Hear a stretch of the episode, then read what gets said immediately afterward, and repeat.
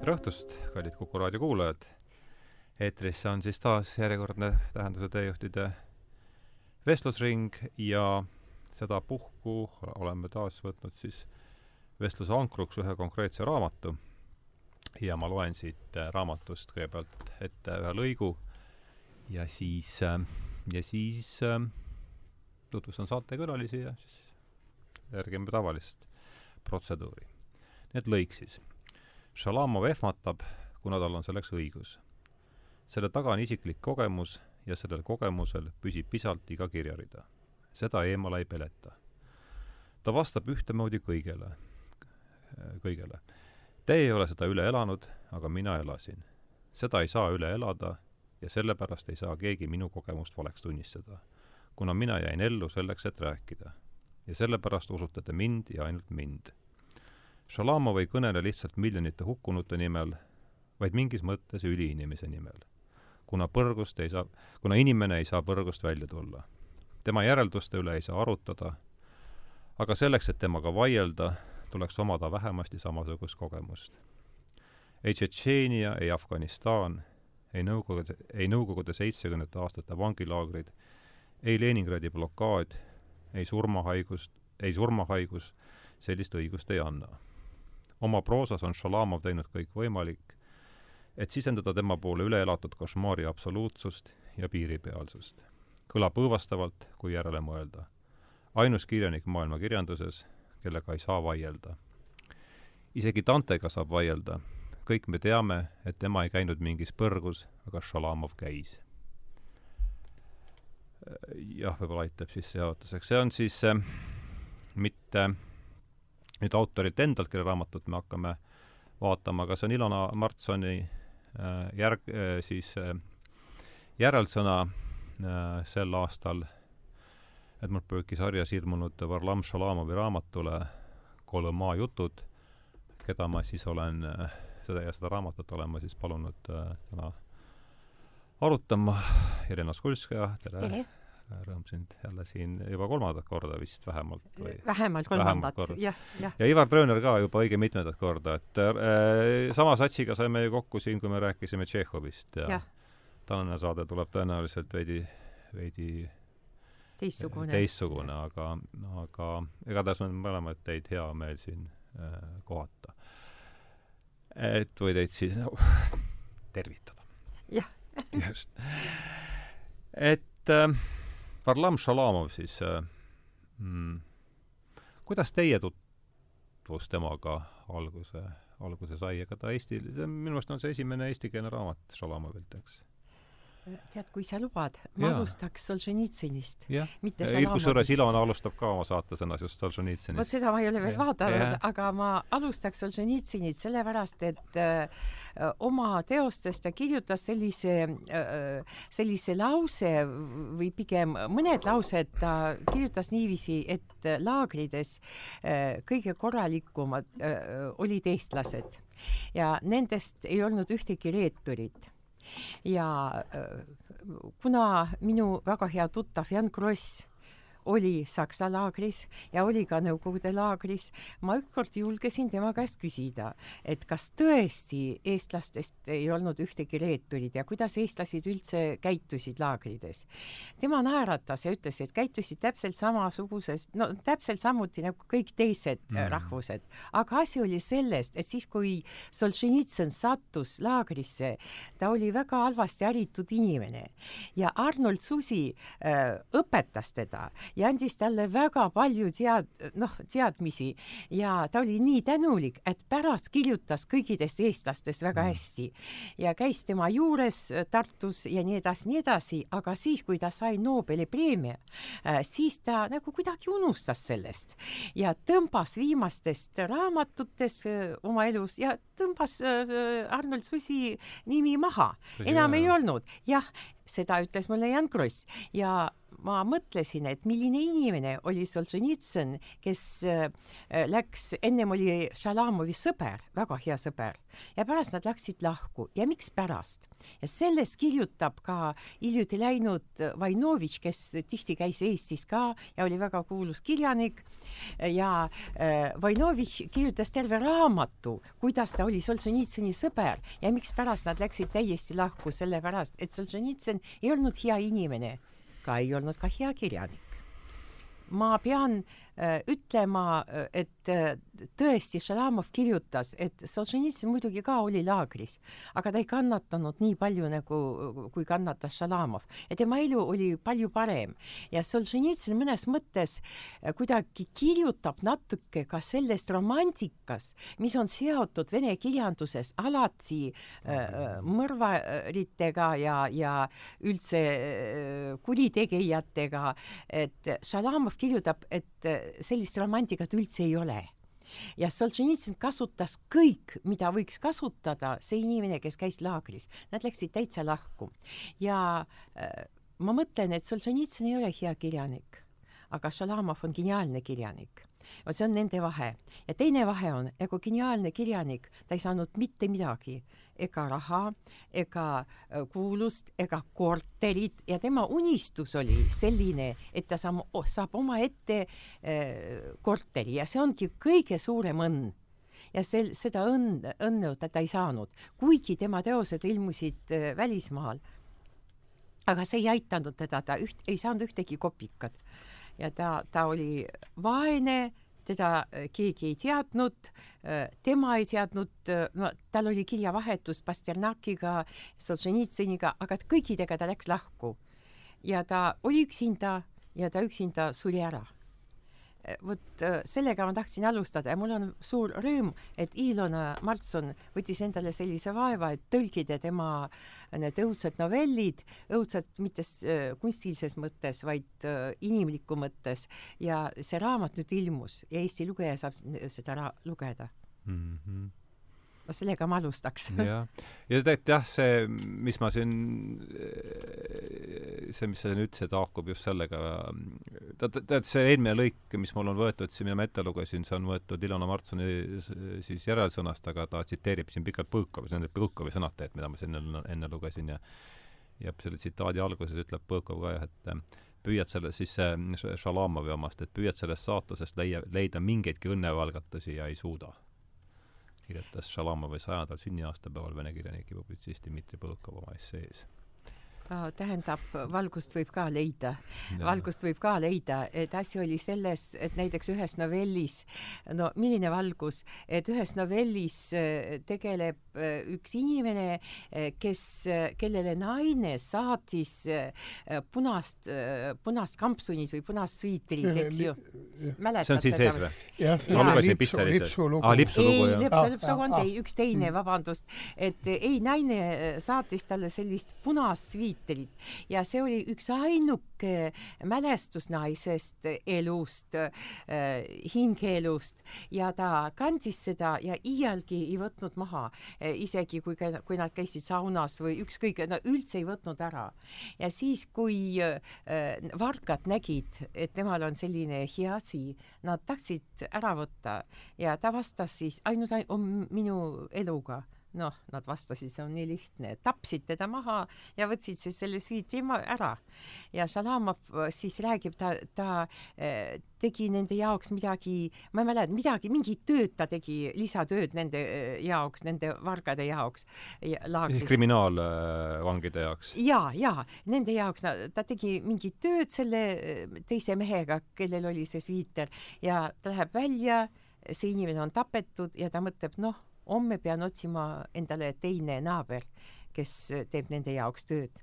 vot see on ikka selline valgus, et armastuse valgus on, et see mees nii armastas äh, seda oma naist, nii armastas seda vabadust, nii armastas oma kodu. ja see oli kõik seal svi-, punases kampsunis? jah, et see oli kõik selles punases kampsunis, mille äh, punane ta on sellepärast, võib-olla Šalamov kirjutab punasest värvist sellepärast, et veri äh, oli ka punane ja ei olnud näha et need kriminaalinimesed võtsid enda kätte seda.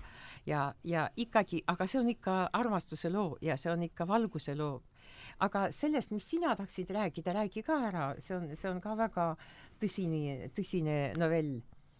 et Jaapan, jaapanlas, no Jaapanis elanud ah, ma tulen selle küsimuse ah. juurde tagasi, mida, et mina ja, avastasin sa... Šalamov umbes kümme, kümme aastat tagasi. aga alles siis jah, mina umbes jaa, sest ajal. teda on tegelikult, tema probleem on ju see, et ta on ju jätkuvalt eh, lääne mälukirjanduses vähe uuritud, et nüüd on hakanud tulema kümneid publikatsioone tänu ühe Iisraeli uurijale, kes on väga põhjalikult Salamoviga hakanud tegelema ja sellest me räägime pärast, aga tõesti võib öelda, et Salamov on tegelikult tüüpnäide Gulagist välja tulnud, Gulagi saatusega inimesest.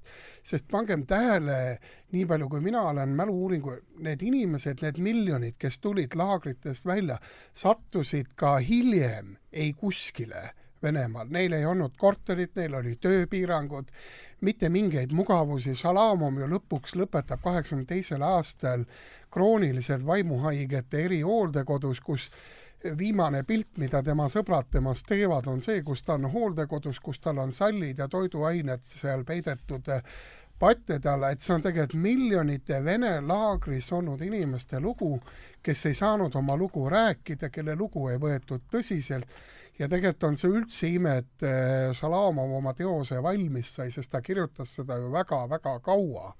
aga tema puhul ei tuleks nagu unustada, et ta on ka siiski viie luulekogu kirjutaja ja algab ta tegelikult ju luulega, see Pasternakiga kontakt. Aga, aga see, et ta on ikkagi hämmastavalt ilukirjanduslikult andekas ja need uurimused, mida mina olen lugenud, et ta jätkab tegelikult ju seda Tšehhovi liini. Lühilugu, lühilugudena kus ta on ise objektiivselt teatud mõttes kõrvalseisja ja laseb lugejal anda hinnangu.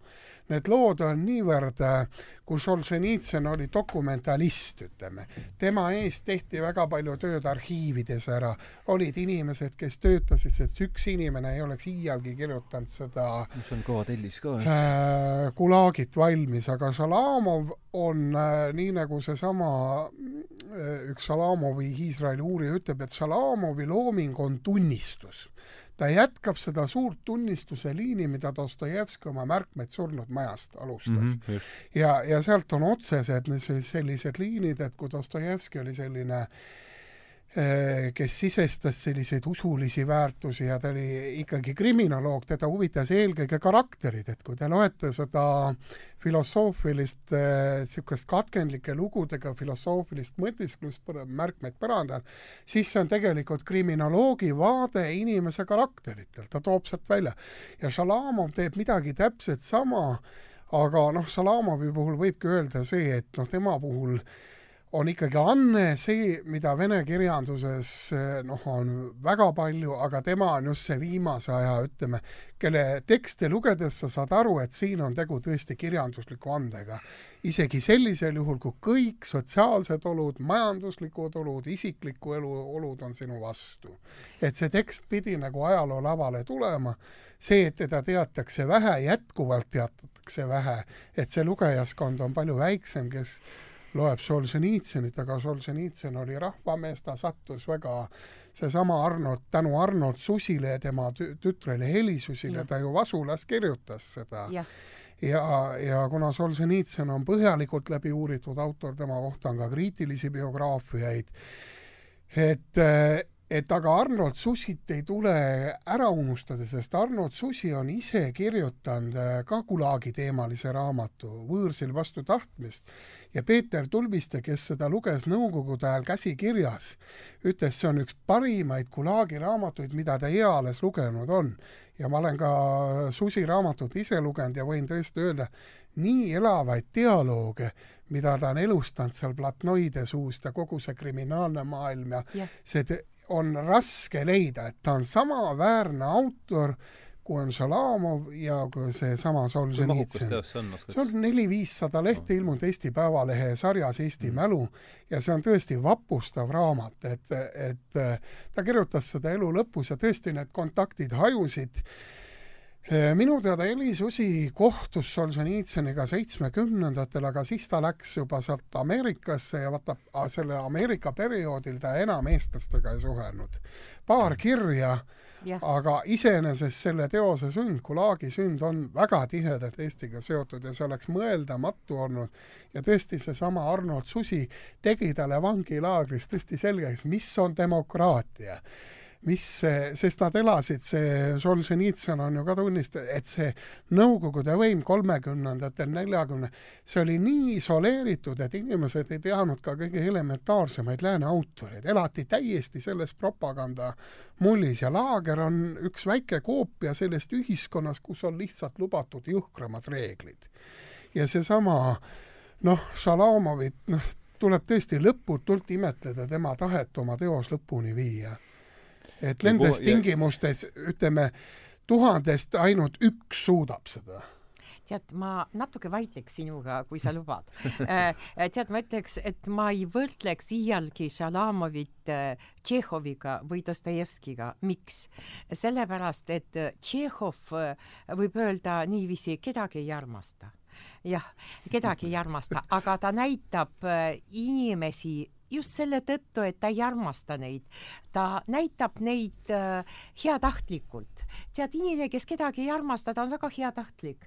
Äh, ta ei tee midagi kurba, ta ei, ta ei tee midagi halba äh,. armastus ja tigedus ja vihkamine on üheskoos sellised tunned, aga Tšehhov lihtsalt vaatab, piilub äh,, saab nagu arst aru nendest ja äh, kirjutab äh, neist ja temal ei ole sellist, sellist äge ägedat tunnet, tal ei ole seda palavikku, eh, mis eh, oli eh, Šalamovil ja Šalamov kirjutas nii, Tšehhov kirjutas kogu aeg inimeste armastusest. võib-olla ta ise ei armastanud, aga kuidas inimesed armastasid, ta kirjutab kogu aeg. Šalamov aga ütleb, et armastus võib endale lubada ainult väga hästi elav inimene. kui inimene on riik, rikas, mugav ja tal on hea elu, siis ta võib endale lubada sõprust, armastus äh,, äh, head suhed, aga kui ta on laagris, ta võib endale äh, lubada ainult viha, ainult viha, see on viimane, mis jääb inimeses. mikspärast mitte Dostojevski, sellepärast et Dostojevski näitas, kuidas laagrites või vanglades inimesed jäävad ikka inimesteks. Mm, -hmm. halvemaks või äh, paremateks. Ja Tolstoi samuti, kui võtab, võtab tähistame seda pühapäeva ja äh, aga äh, üldse, et need inimesed on ikka inimesed, Šalamov äh, tõestab, et nad ei ole enam inimesed, et inimesel on nii kergelt teha looma et inimene enam, enam ei ole inimene, ta satub sinna, sinna, teda saadetakse sinna ja tal on õigus tappa. Äh, või surra. Üks on tapjad, ühed on sapjad, teised on sure-. Äh, oma mõte, mõte oli see, et üks uurija võrdles teatud seda kirjanduslikku stiili, aga loomulikult, kuidas kujutavad need autorid inimest, on täiesti erinev, sest tõesti, Tšehhov läks vabatahtlikult Sahhalinile, ta ei elanud nende inimestega koos, ta tegi kõrvaltvaatlejana uuringut, Šalamov oli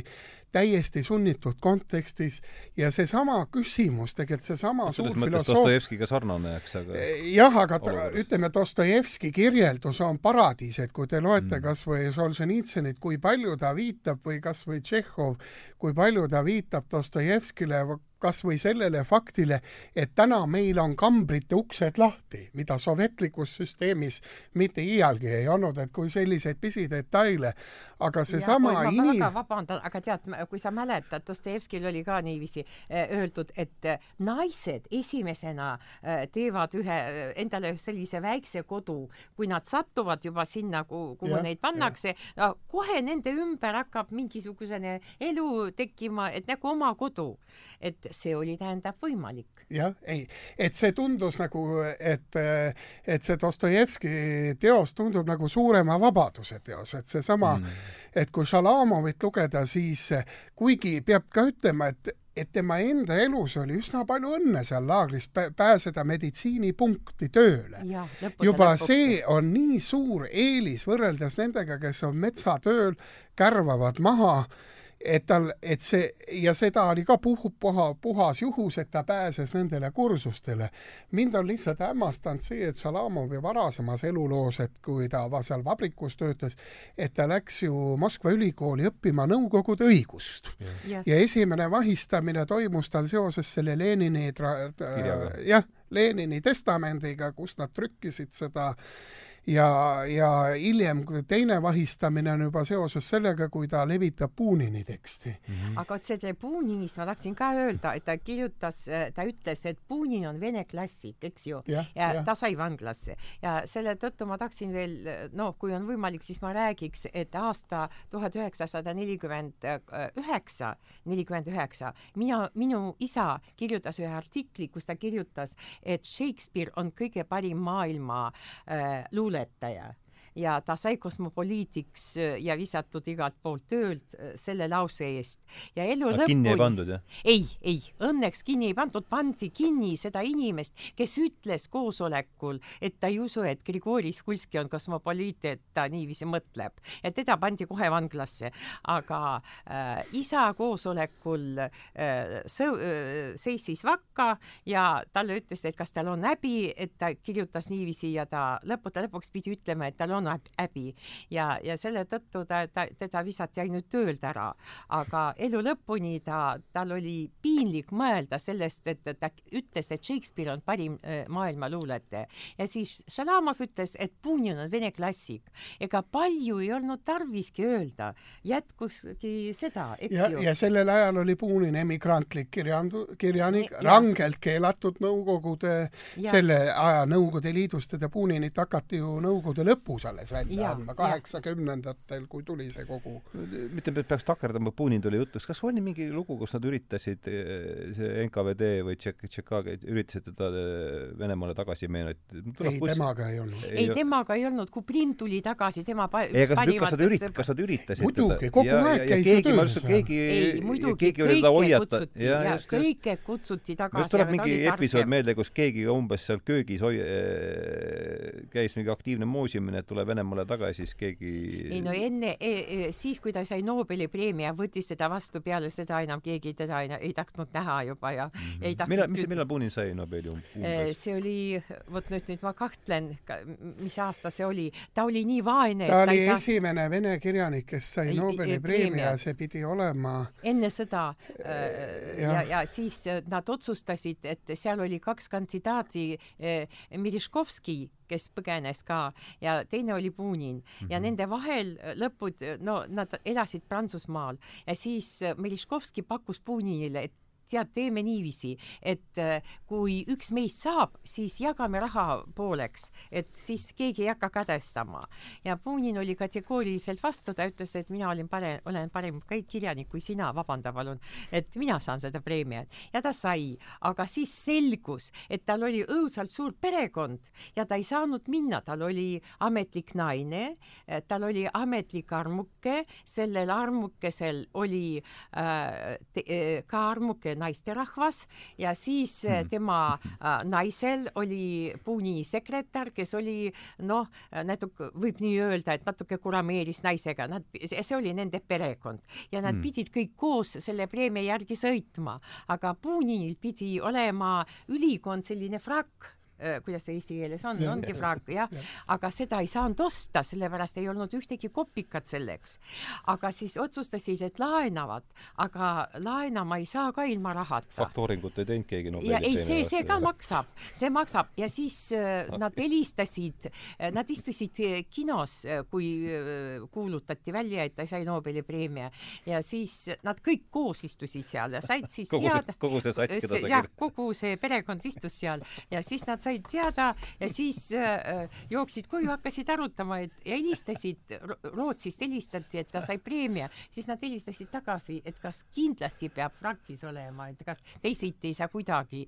aga Vene äh, emigrantsi, no see äh, kogu oli selline, no oli, teistel oli selline kadedustunne, et neid suurt tahtjaid, kes annab talle raha selle fraki jaoks või laenab, neid eriti palju ka ei olnud, et oli imelik, et see vaene Punin, keda Venemaal keegi ei lugenud.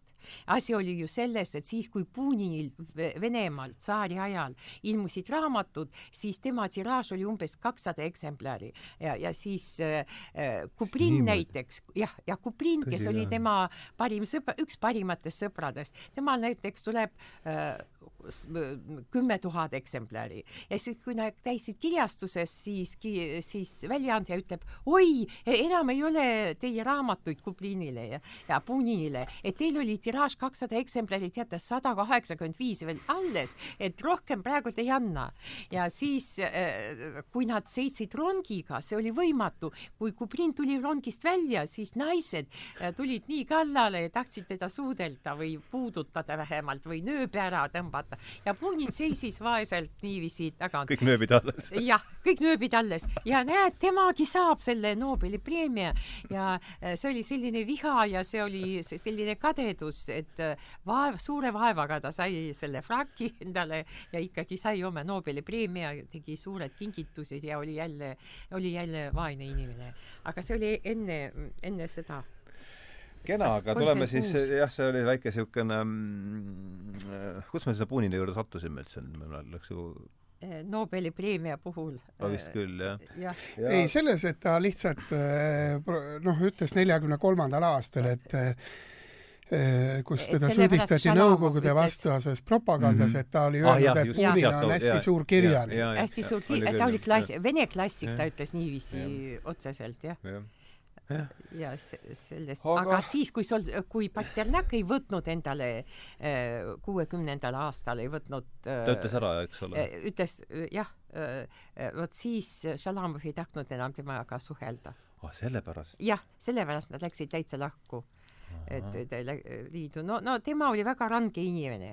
No,. näiteks ta ütles, et ainult loll mees äh, raiskab oma aega, et suhelda naisega, kuigi tal oli kolm naist, aga äh, äh, ametlikult, aga lõppude lõpuks ta otsustas, et elu on nii lühike ja elus on nii tähts, nii palju tähtsaid asju, et mis annab naine, tegelikult ei anna mitte midagi. et, äh, et niiviisi, niiviisi ta äh, Äh, räägis ja äh, noh, temaga vist oli väga raske, kuigi naised olid tema ümber ja esimene, esimese ta sai vanglas olles, kui ta tuli oma meest vaatama, siis Solženitsõn armus ja Šalamov siis? ja, või tähendab, Šalamov, vabandust, armus ja, ja see naine järgmine, järgmine kord juba tuli tema juurde. vaata siis. ta oli selline noh, tugev mees, meeldis naistele jah, ja ma seda oma tutvuses, mina äh, puutusin temaga esimest korda kokku, nime vist kuulsin John Gray raamatus ähm, Straw Dogs, kus mul sai siiamaani see lause sealt meeles, et et ähm, see on siis, kirjutab enam-vähem kirjutasin selle, panin ta sinna põlve otsas eesti keelde ümber. Gray kirjutab siis, et ähm, vangidest, et olukorras, kus kogu tähendus oli nende elust välja pigistatud, oli enamik vangidest liiga nõrgad selleks, et kasutada neile aeg-ajalt avanevaid võimalusi oma elule ise, ise, oma elule oma valitud viisil ise ots peale teha. tsiteerib siis Šalamovit, on olukordi, kus inimene peab kiirustama, et mitte kaotada oma tahet surra. näljast ja külmast murtutena tuigerdasid nad siis vangid oma mõttetu surma poole, see oli see koht, kus, kus minule esimest korda Šalamov. noh, vaata neljakümne kolmandal aastal ta pääsebki laagrihaiglasse, Šalamov mm, -hmm. ja siis ta on see tohkahoda või kuidas seda eesti keelde on väga raske tõlkida, see tähendab, jah, see tähendab see, kes astub viimaseid samme.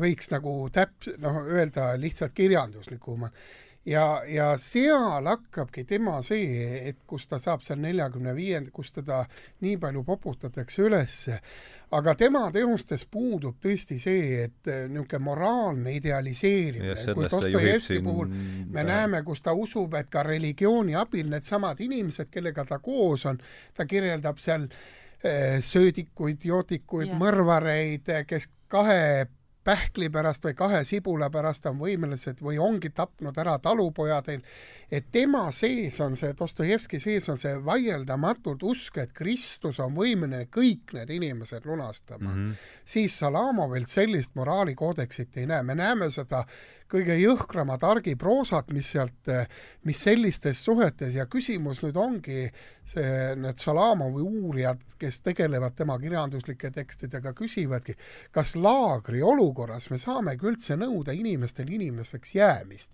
sest kui inimesed on pandud ainult valikusse, ellujäämine, kas ellujäämine või et seal ei ole sellist võimalust, et sa saad teha niisugust kerget moraalset köieltantsu et, et need olukorrad, aga Šalamovi pilk et kas või seesama koera lugu, mis selles raamatus on, et me näeme, et vangidel ikkagi see armastus, et seesama, et tema tekste lugedes nagu armastusel kohta ei ole, aga tegelikult on väga paljudes lugudes, kas või see, et see kutsukene ja, tuleb see äh, jah, ja, ja inimeste sees nagu iseenesest ärkavad head tunded, mida nad inimeste suhtes ei tunne ja pärast siis see koe-, koera lugu lõpeb ju kurvalt koera jaoks, aga lõpeb ka selle jaoks kurvalt, kes selle koera ära tapab. aga iseenesest ta otsib neid väikseid armastuse ja. pragusi kõikides oma lugudes, kuigi selgelt on see, et see, et ta ise väga armastusse usuks, seda ma arvan, et Nõukogude süsteemi olukord, et see olukord ikkagi, milles ta elas, et kes kujutavad ette, mida tähendab Nõukogude ajal psühhokroonikute kodu. iga päev seal olla alatoitluses, hooldajate eh, võimu all, et tema elu koosneski sisuliselt laagrist eh, ja hiljem pehmendatud versioonist.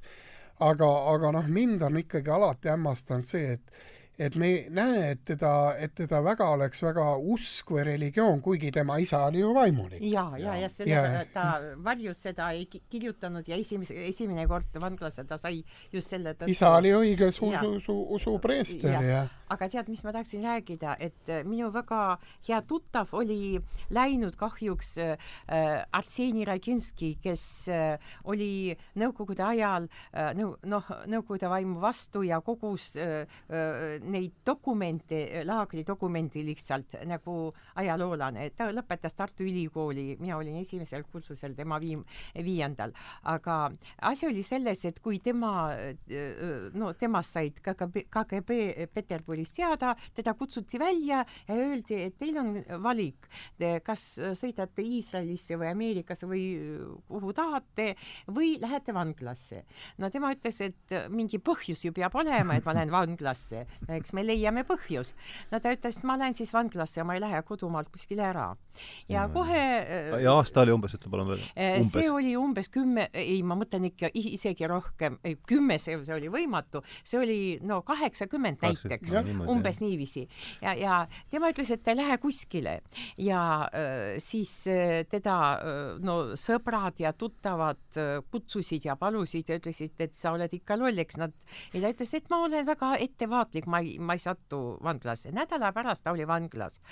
tähendab, äh, äh, ta sai viis aastat äh, sellepärast, et tema raamatukogu pilet oli juba kaks päeva noh, no tähendab, ta Aegunud. lõppes, lõppes kaks päeva, et ja ta ähm, siis äh, ta sai viis aastat sellepärast, et äh, tema katsus minna raamatukogusse, kus võiksid olla väga tähtsad materjalid mm. ja tal ei olnud selleks õigus. ja mingi spionaaži siis ja,. jah, jah, ja tema sai viis aastat Äh, seal ja siis, äh, kui ta tuli välja neli, neli ja pool aastat äh, tagasi ta tuli välja, esimene koht, kuhu ta läks laagrist, oli Tallinnas, kus mhm. elas tema vend ja, ja siis kohe no me olime kutsutud sinna ja ta oli minu tuttav, mina olin ka ja muidugi ma tahtsin teada, kuidas see kõik elu oli. ta elas ju koos, tema oli poliitiline, aga tema elas koos mõrvategija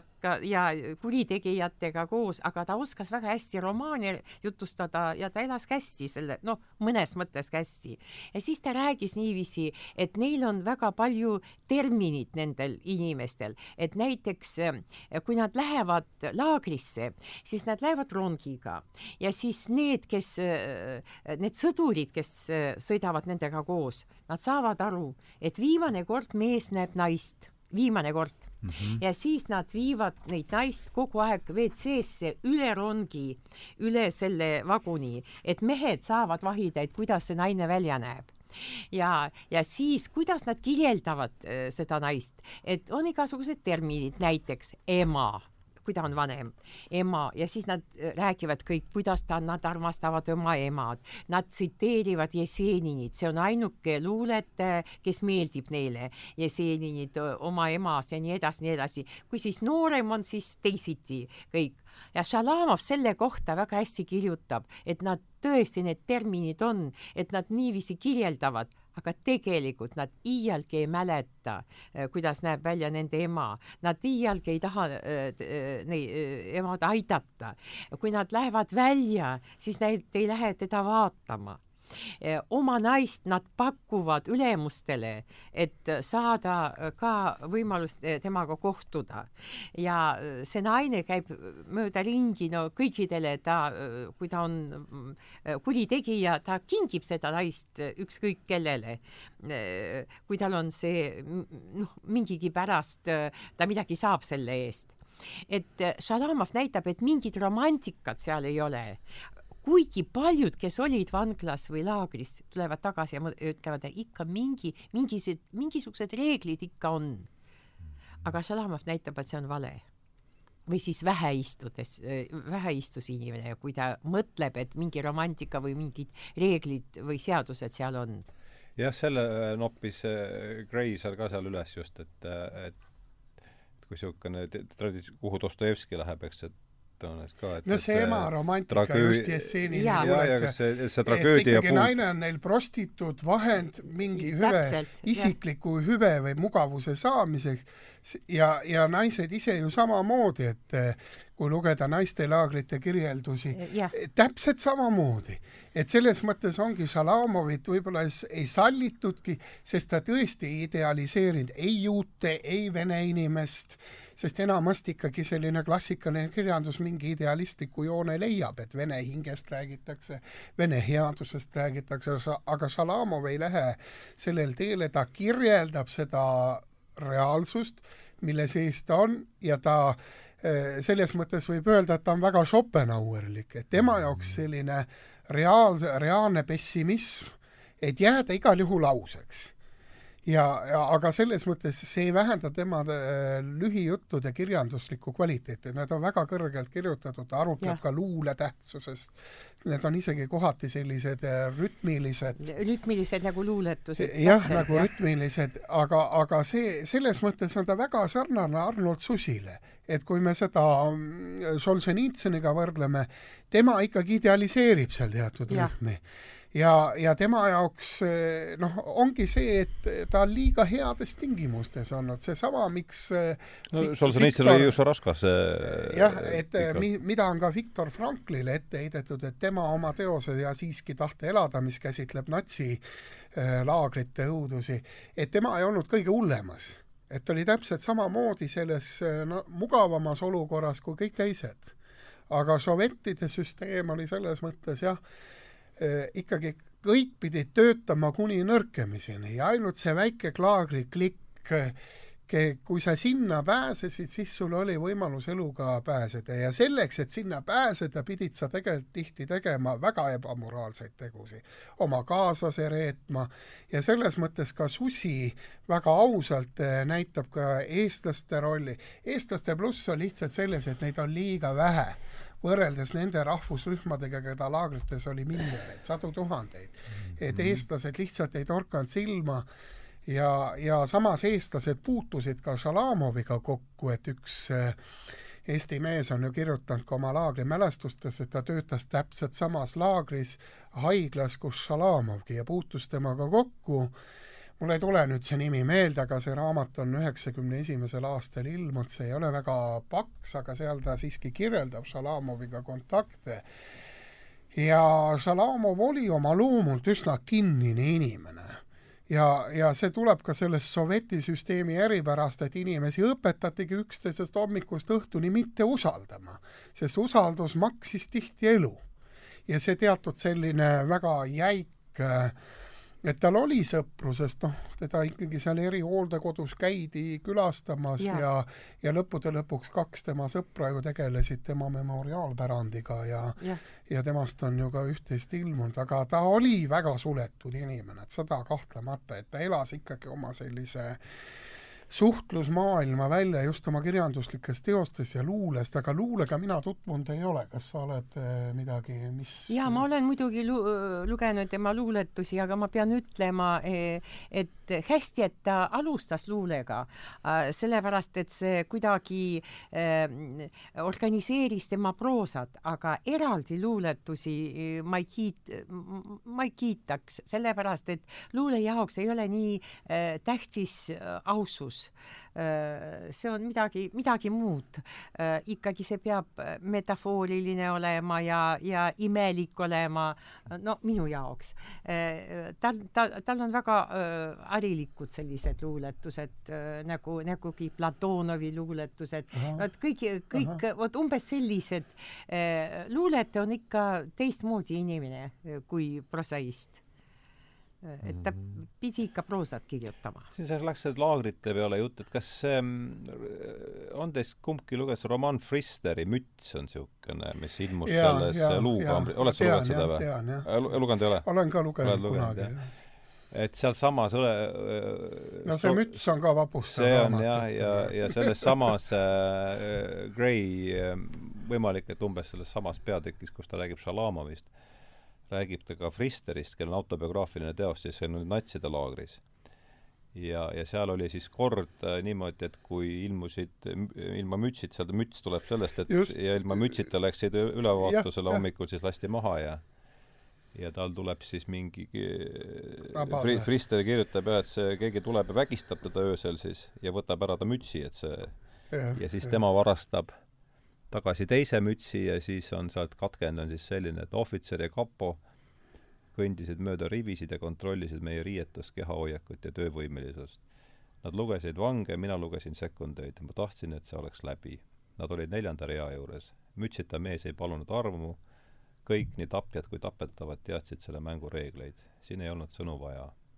lask kõlas hoiatusena, järgnes lühike, tuhm, kajatav mütsatus. üks lask pähe tapsid alati niiviisi, lask kuklasse, oli ikkagi sõda, laskemoona tuli kokku hoida. ma ei tahtnud teada, kes see mees oli, ma olen õnnelik, et olen elus. ja, ja noh, see, see ja et selle Saksa laagrite juurde me tuleme, nendel ohvritel selles mõttes vedas, kes sealt välja said, et eh, Saksamaa hakkas kohe tegelema nende inimeste ellujäänud äh, inimeste psühhoteraapia võimaluste loomisega, aga Nõukogude Liidus ju ja midagi sellist ei Šalamov läks teise, ühest põrgust teise. jah, aga, aga küsitud ongi need, kes nüüd Šalamoviga tegelevad, eks juudi Hebra ülikooli inglise kirjanduse professor Dokker Leona, kes on ju, on ise ka juudi ja Leedu taustaga, ongi küsinud sellise küsimuse, et kui palju teavet varjatakse ilukirjanduslikus narratiivi kaudu ja on uurinud siis Gulagi ellujäänute narratiive, milliseid narratiive nad üldse loovad. ja, ja kui ma mõtlen kas või sellele mm, Solženitsõnile, siis me näeme seal seda, et, et selge on see, et selle laagriga seotud mõiste on absurdsus eksistentsi absurdsus, argipäeva absurdsus ja mis eriti torkab, mida ka Arnold Susi väga rõhutab, et see laager oli üles ehitatud, millest ka Šalamovi lugedes saad aru, oli üles ehitatud sellisele paradigmale, et sa pidid iga sekund tundma seda pissi ülekohust, kõige väiksemad tööd olid mõeldud mõttetuks et inimene, inimest kiusati selle hästi, selle igapäeva ülekohtuga ja, ja kui ma mõtlen kas või sellele Gulagi arhipelaagile, et seal kirjeldatakse ka siis seda kunstilist tegevust. et kõikides nendes laagrites olid kunstiosakonnad, kes siis eh, tegelesid ka näidendite ette, need nälgas inimesed pandi näiteks seal Tšehhovi kajakat mängima ja kui teada natuke Tšehhovi näidendite struktuuri, siis seal on üldjuhul heaolus elavad inimesed, keskeas olevad inimesed, kes küsivad, nagu kes joovad kohvi, kes küsivad noh, laagris olevale inimese seisukohalt täiesti mõttetut teemad, täiesti triviaalsed, täiesti mõttetud. et, et seesama sovettide mõte panna need inimesed, et see oli nii-öelda kunstiline kasvatus. ikka rafineeritud, rafineeritud ja, ja siis, kui sa mõtled need inimesed, kes on nälja ja surma piiril, kes käivad kaltsudes, kellel on kõik hambad suust välja kukkunud, kes vaevu liiguvad, aetakse selle asemel, et lasta inimestel magada, see enamasti toimus ju ka vabadel päevadel, pannakse neid Äh, sinna kunstilisele tegevusele. aga vaata, vaata veel seda asja, et seal oli äh, nende laagrite äh, vahel oli võistlus, kelle teater on parem. no seda sa rääkisid eelmine kord ja ma rääkisin jah, et nad, nad võtsid siis Moskvast ja Peterburis ja Leningradist. mul on seda baleriini vaja. parimad ja, ja. näitlejad, et äh, kirjutasid kirju, et tead saada mulle, mul on selle osa jaoks tarvis üks hea baleriin või laulja. orjanduslik kord tuleb tagasi ikkagi. ei, seal oligi inimkaubandus, täielik inim-, legaliseeritud inimkaubandus. kahekümnenda sajandi Euroopas on sisuliselt ikkagi kusagil kolmkümmend kuni viiskümmend on suur osa suur osa Euroopast on ja eks nad mingeid eeliseid said, sest näiteks ka Arnold Susi, kes oskas pille mängida, sai selle eelise, et, et ta selle kunstilise tegevuse ajal ei pidanud tegema rasket tööd ja, ja siis ta kirjeldab ka seal väga elavalt seda, kuidas platnoid sattusid peale, kuidas ta seda noodikirja üles kirjutas. Ja see oli nende jaoks midagi nii hämmastavat, et keegi kirjutab midagi üles ja oskab siis selle järgi mängida. Ja sellest alates hakati teda teietama. Mm -hmm. ja see oli noh, midagi, et kui sa mõtled siukseid, et need argiolmedetailid, need paisuvad nii Šalamovil ka Susil hästi suureks ja sellest see maailm koosnebki. seal maailmas ei ole eetilisi, filosoofilisi küsimusi, et inimesed tegelevad. jah, et näiteks Arnold Susil oli see eelis, et tema kambrikaaslane oli Kaasani ülikooli filosoofia professor, kes ütles, et nüüd ta näeb seda lääne ja vene inimese mädanemist laagris kõige sügavamal tasandil ja ta hoidis nendest vene inimestest kaugemale eemale, sest tema oli ise islamiusuline mm ja, ja selles mõttes neid on hea, hea koos lugeda, Salamovit ja Arnold Susit, sest Susi on kindlasti parema raamatu kirjutanud kui äh, kui Aleksander Solženitsõn, sest Solženitsõnil tõesti vedas ajaloolistes tingimustes, see ei ole muidugi kehv raamat, et me mingil juhul, ärgu kuulaja arvaks, see on väga suur teos, ta avas väga suurte teemade ringi, ta tõi lääne intellektuaalidele selgelt esile, mida ikkagi tähendab Nõukogude repressioonisüsteem, millistest pisiasjadest koosneb inimese piinamine. Ja sealt tekibki see küsimus, et et need, kes on tegelenud hiljem Nõukogude Gulagi ohvrite uurimisega, on on ka psühholoogilisi uuringuid, et väga tihti needsamad Gulagi inimesed omavahel üldse ei suhelnud. ja selle põhjus oligi häbi, häbimehhanism mm. Sest eh, kuidas sa suhtled inimesega, kes on näinud sind kõige haavatavamas moraalses situatsioonis, kus sa oled teinud tegusi, mida sa isegi oma naisele ja lastele ei räägi ja see on seesama, noh, see on see mehhanism, millega, millele ka sovetid väga rõhusid, hoidke oma suu kinni, rahvas teile kaasa ei tunne. Ja kui te oma suu lahti teete, saate te veel rohkem ühiskonna poolt stigmatiseeritud. Ja selles mõttes on Solženitsõnil muidugi väga-väga suur roll. aga selles mõttes neid jää-, see, need trauma, kollektiivse traumamehhanismid ühiskonnas kestavad nagu põlvest põlve ja seesama, miks needsamast laagrist tulnud inimesed jõid väga tihti ennast põhja, sest võimalused puudusid, tööalaselt eh, neid represseeriti igat moodi edasi, sa ei pääsenud sellele tööle, Arnold Susiga täpselt samamoodi. Aga, aga need natsilaagritest pääsenud inimesed, kes pääsesid Ameerika, nendel loodi toetusfondid, nad pääsesid ülikoolidesse, nende lugusid hakati väga tõsiselt võtma, nende, nendele tagati väga suu-, kuigi seal on ka väga õnnetuid, näiteks üks seesama juudi uurija on väitnud seda, et Šalamovi lood on väga sarnaselt oma narratiivilt Primo Levi kes mm, oli ka, kes see oli ka kirjutanud..., temal ilmus ka seal Luukombri sarjas. jah, kes on inimene, et see on noh, selles mõttes jah, et ka tema see on väga, ka laagrilugu või? see on ka tüüpiline laagrilugu ja väga hea lugu mm. -hmm. ja, ja, ja kui võrrelda noh, täpselt seesama, et kui Nõukogude süsteemis inimesed jäid üldse ilma toeta, nad jäid ka loaga, nad ei tohtinud oma lugu rääkida, sest noh, laagrid olid ju kaheksakümnendate lõpuni ja kui te loete Ratutšinskaja Hall on lootuse värv, kus ka Lagleparek ja kogu see dissidentide, et siis seesama psühholoogia ainult vähese äh, vähesemate kiusamismeetoditega kestis kuni Nõukogude võimu lõpuni ja, ja alles siis tuli see lugude rääkimise sund rääkida oma lugu, sest iga lugu, loo rääkimine ka Šalamovi puhul, ta teeb sind vabaks. ta teeb sind vabaks, ta võimaldab sul narrativiseerida seda, mida sa oled aastakümneid oma sees kandnud.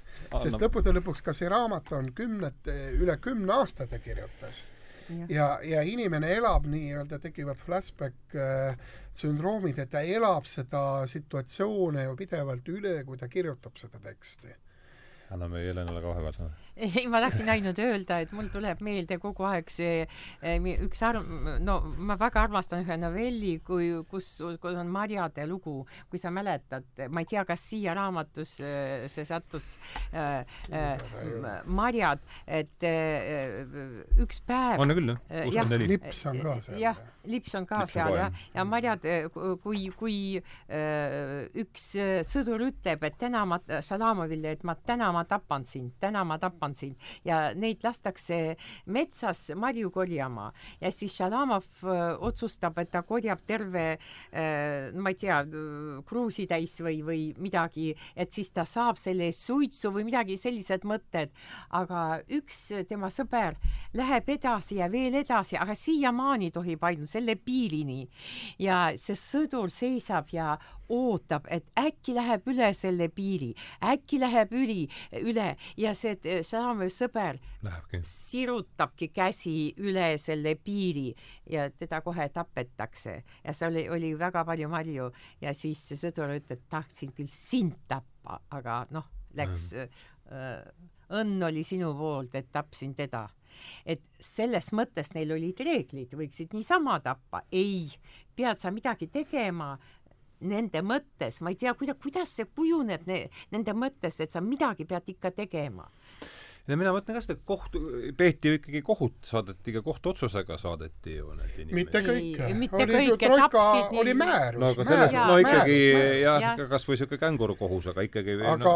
alati, eriti sellel varasel perioodil, kus ju veel ei töötanud need eh, kohtu, see, see laagrite süsteem tekkis ju kohe kahekümne esimesel aastal ja, juba. ja, ja aga need troikad olid ju kolmekümnendate aastate ja, ja see tekkis tõesti, see Nõukogude õigus kujunes ju tõesti selles välja, et tõesti tekkis ka vajadus mingi formaalne mm -hmm. põhjus leida. no kummatigi jah, mingi, mingist formalismist ikkagi peeti seal kinni, et hakati pidama. hakati pidama ja see on väga, kõige ime, minu jaoks näiteks on kõige imeli, imelik äh, asi, et inimene pidi alla kirjutama, et ta on süüdi Just. või, või nõudsi teksti Paber, pabereid ikka püüti korras hoida. jah, vot mikspärast, mis jaoks, ma, ma, ma olen sama asja, sama asja mõelnud, mis jaoks sa neid pabereid no ega see ongi, mida Anna Amarant ütleb, et tegu on banaalse kurjuse kontseptsiooniga, et seesama absurdsus, et see seadusandlik käsk on tähtsam kui inimene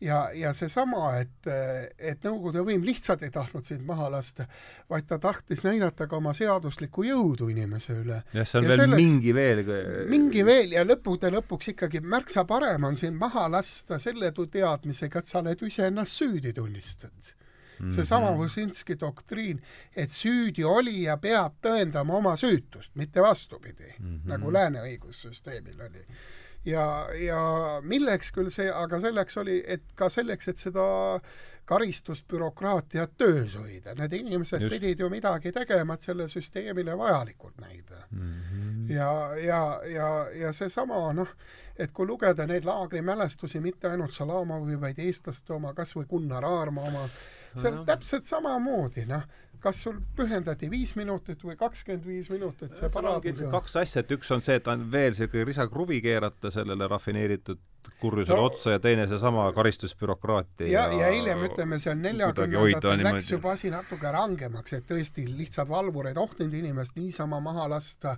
vaid selleks oligi kas või samm vasakule, samm paremale, et sa pidid mingi joone ületama või põgenemiskatse või või, või põrandaalune, et pidi olema fakt, mingi noh, et lihtsalt ei mhm. tohtinud äh, maha inimest lasta, aga ennem seda see sõltus ka, kui palju neid inimesi korraga laagrisse suunati, sõltus nende küüditamiste äh, sessoonsusest, et kui lugeda Ann Applebaumi Gulagi raamatut, see on niisugune paks uurimus Gulagi laagrite kujunemises, siis äh, seal on selgelt näha, et äh, mida, seda lõdvemalt olid reeglid, mida rohkem inimesi küüditati nendesse laagritesse ja seal kolmekümne kuuenda aasta Moskva protsessid ja kõik, et ei jäänud aega. ma küsin vahel nüüd Jelena käest seda, et kuidas Salamo praegu Venemaal, ilmselt on seal ka niimoodi äh, noh, kaheksakümnenda aastate lõpuni temast tõenäoliselt ei räägitud suurt midagi, siis äh, ma kujutan ette, oli mingi samasugune memento liikumine nagu meil, ma, ma pakuks ja kuhu, kuhu, kuhu, kuidas see kõver praegu on liikunud, et mis äh, see liikunud ikka sinnapoole, et teda teatakse kõik. no ah, kes loevad, kes loevad raamatuid üldse, ikkagi Solženitsini nimi on lükatud täitsa kuskile äh,, täitsa ära kuskile ja temast ei räägita enam. Solženitsist ei räägita? jah äh,, ei räägita enam, aga kõige rohkem räägid, räägivad Šalamovist siis, kui Vojnovitš kirjutas veel oma raamatu, et Solženitsõn oli halb inimene, vot vot siis, see oli umbes kümme aastat tagasi, siis äh, enamasti inimesed olid Vojnovitši vastu ja kirjutasid ta mhm. lihtsalt kadedusest äh, äh, kirjutas. mis see Vojnovitši raamatu nimi on? tead, ma kardan, et ma, ma, ma ei mäleta seda. mis see Vojnovitši eesnimi on? Vladimir Vojnovitš. kaks aastat tagasi ta veel oli elus ja käis Eestis. just, just. Vojnovitš, jah? Vojnovitš, Vojnovitš, jah ja presidendi äh, pallil käis ta, vastuvõtul äh, käis ka, oli kutsutud, äh, siis ta sai üheksakümmend vist mm, -hmm. vot siis oli temaga, no natuke rääkisime temast, temaga, aga praegult ikka Šalamovit teavad absoluutselt kõik kes üldse loevad, ma ei saa öelda, et kõik nüüd loevad raamatuid aga mhm. need, kes loevad, teavad ikka kõi-. aga ilmselt ta kooliprogrammis ja, ja, ja, ja kuidas võim temasse eh, praegused, kuidas ta nii palju, kui seda on võimalik eh, niimoodi välja selgitada, kuidas ta jah, noh, kooliprogrammis ei ole. ega Kooli... Solženitsõn ka ei ole tõenäoliselt või? ei, ei tea. ma tean, et Dostojevski vist on. Dostojevski alati on. jah, aga muidugi praegult Venemaal on ju väga ka palju inimesi, kes ei valda vene keelt ja neid peab kõigepealt vene keelt õppima. Nad peavad vene keelt õppima äh, igalt poolt Ukra Ukrainast, Usbekistanist, Tadžikistanist, igalt poolt tulnud ja äh, nad viiendasse, kuuendasse klassi tulevad, ei valda vene keelt üldse. Äh, ja, ja neid peab peab õpetama, nii et väga raskes olukorras äh, on koolid. et äh, enne kui lugeda kirjanikke, peab ikka mm, keelt õppima, jah. Jah, see probleem on meil, igal pool on selline probleem, et äh, Tundub riigi, riigikeelt inimene peab õppima kuidagi. Ja, ja see probleem on väga tõsine, enne kui, enne kui ta teeb raamatu lahti, ta peab ikka mõtlema sellest, et ta õpib keelt või kultuuri natuke, kas või natukene. aga muidu need, kes ikkagi loevad, no ma, ma rääkisin juba mitu korda, et Venemaa tiraažid on sama suured või sama väiksed kui Eestis, Eestis, kui võrrelda. jah, me rääkisime sellest ja see on väga imelik ja paksude ajakirjade eh, tiraažid on samasugused, kas viissada eksemplari kuni kolm tuhat eksemplari see ja, oli täiesti hämmastav, kui ma seda ja, kuulsin. ja näiteks hea raamat, hea luuleraamat tuleb tiraažiga kakssada eksemplari, viissada eksemplari. Venemaal, jah. Venemaal e, e, kui ma, kaks tuhat juba e, klassikute raamat no näiteks mm. Aleksander Kušnir, kes Peterburis, viimane tema raamat oli kaks tuhat eksemplari. no meil ju ka äh, head luulekogud tulevad välja umbes sama, sama tiraažiga, aga rahvast on ju palju vähem, eks ju, kui terve Venemaa võtta muidugi, muidugi detektiivid tulevad ja kriminaalkad, need tulevad hea tiraažiga, aga tegelikult see on suur, suur probleem, lugemisprobleem on väga suur, aga ma lihtsalt mõtlen, et võib-olla, võib-olla äh, tõesti, kui kirjandust ei ole, siis ei ole keelt eks ju, ja võib-olla äh, Eesti äh, rahvas mõtleb rohkem, et kaitsta oma keelt ja et see keel eksisteerib ja elab ja läheb edasi elama, et siis peab rohkem luuletajaid olema, rohkem äh, kirjanikke olema, et siis tulevad need raamatud ja see ongi keele, see on keelepank mm. -hmm. aga Venemaal nagu ei mõelda sinnapoole nii palju ja võib-olla see ei olegi, no kui rahvast on nii palju, et see ei ole nii ohtlik, aga ma mõtlen, et eestlased ikka kuskilt, no kuskilt peas hoiavad seda mõtet, et kui me ainult räägime, ega see ei jää enam, aga kui me kirjutame, kui tulevad head raamatud ja just he, kui head tulevad, vot siis keel jääb see tuletab mulle meelde, kui sa Jukuga olid esimest korda mul saates vist. kas ma rääkisin sellest? see oli jutt, et vene keel on nagu suur nagu ookean ja siis Juku pistis vahele, et eesti keel on nagu torm veeklaasis ei ole torm veeklaasis, aga, aga ikkagi iga, iga äh, tead see, äh, et mina olen, äh, no ma tean seda keelt või ma õpin seda keelt või, või see on minu emakeel. see on erinev asi, eks ju, kui see on minu emakeel, siis ma pean midagi head tema jaoks tegema nagu emale midagi head tegema ja keele jaoks tegema, siis ma pean olema kirjanik, kas või natukene, kas kirja kirjutada või, või see jääb, see jääb ja siis jääb keel. sellepärast me teame, et mõned keeled surevad ära. aga kui me räägimegi siit edasi järgmise teema, et see, kuidas noh, tema elust oleme nüüd natuke rääkinud ja ja noh, kui, kui trööstituses ja kõik see, aga kui me nüüd räägimegi järgmises väikses plokis just, kuidas Šalamovi keelt ta on ise, iseloomustada. jah, ja temal, temal on ikka suurepärane keel ja tema kasutab nagu ma, ma võrdlesin, ma võrdleks temaga teda Platonoviga mm. -hmm. ta kasutab ainult need sõnad, mis on väga tähtsad ja mis tõesti näitavad, nad on lihtsad sõnad. ta ei, ta ei kasuta metafoori äh, või, või neid luuleväljendid, tal, tal ei ole, tal, tal on lihtne keel, aga väga sügav äh, mhm. nagu Ahmatova keel, nagu Puškini keel. Äh, ta, ta, ei ole Pasternaki keel, mis on väga keeruline, mhm. eks ju, sellest ei saa aru, aga selles keeles saab hästi aru, aga ta on nii kuidagi isegi liimitud, rütmiliselt tehtud. me räägime proosast nüüd. see proosast, me räägime proosast jah, ja ta, ta on ikkagi sellised, need väiksed riimid tulevad mitte otses mõttes, et, et see on riimitud äh, lause, vaid äh, äh, algus ja lõpp äh,, mis juhtub keskel äh,, kuidas inimene rütm on all, jah? Äh, rütm on all ja isegi need äh,, kui kordused tulevad, siis sa, sa alati saad aru, et see see kordus on sellepärast, et selle, kui ta teinekord ütleb, see on hoopis teine mõte ka ja see on väga mhm. tähtis asi luules näiteks, kui sa kolm korda ütled ühe sõna, siis iga kord see peab teine mõte olema seal taga. ja see, see on luule printsiip et korduse lauluprintsiip, muusikaprintsiip on üks teema ja siis selle teema ümber midagi juhtub. vot ta, ta oli väga äh, muusika sügav, muusikas sügav äh, luule, ütleks niiviisi, et proosa muusikas ta oli väga tugev. mitte, mitte et ta kasutas väga palju võõraid sõnu või, või raskeid sõnu, mis sa pead äh, sõnastikus vaatama ja kontrollima, mis see tähendab. ühtegi sõna ei ole seal, et äh, sa ei saa lugeda. aga sa saad aru, et ta ta, ta, ta jääb, jätab sellised suured tükid vahele. Mis mm -hmm. juhtus? sa pead ise mõtlema, mis siis juhtus inimesega, kuidas ta sai loomaks, kuidas ta saab, sai tapjaks, mikspärast ta ei seleta seda.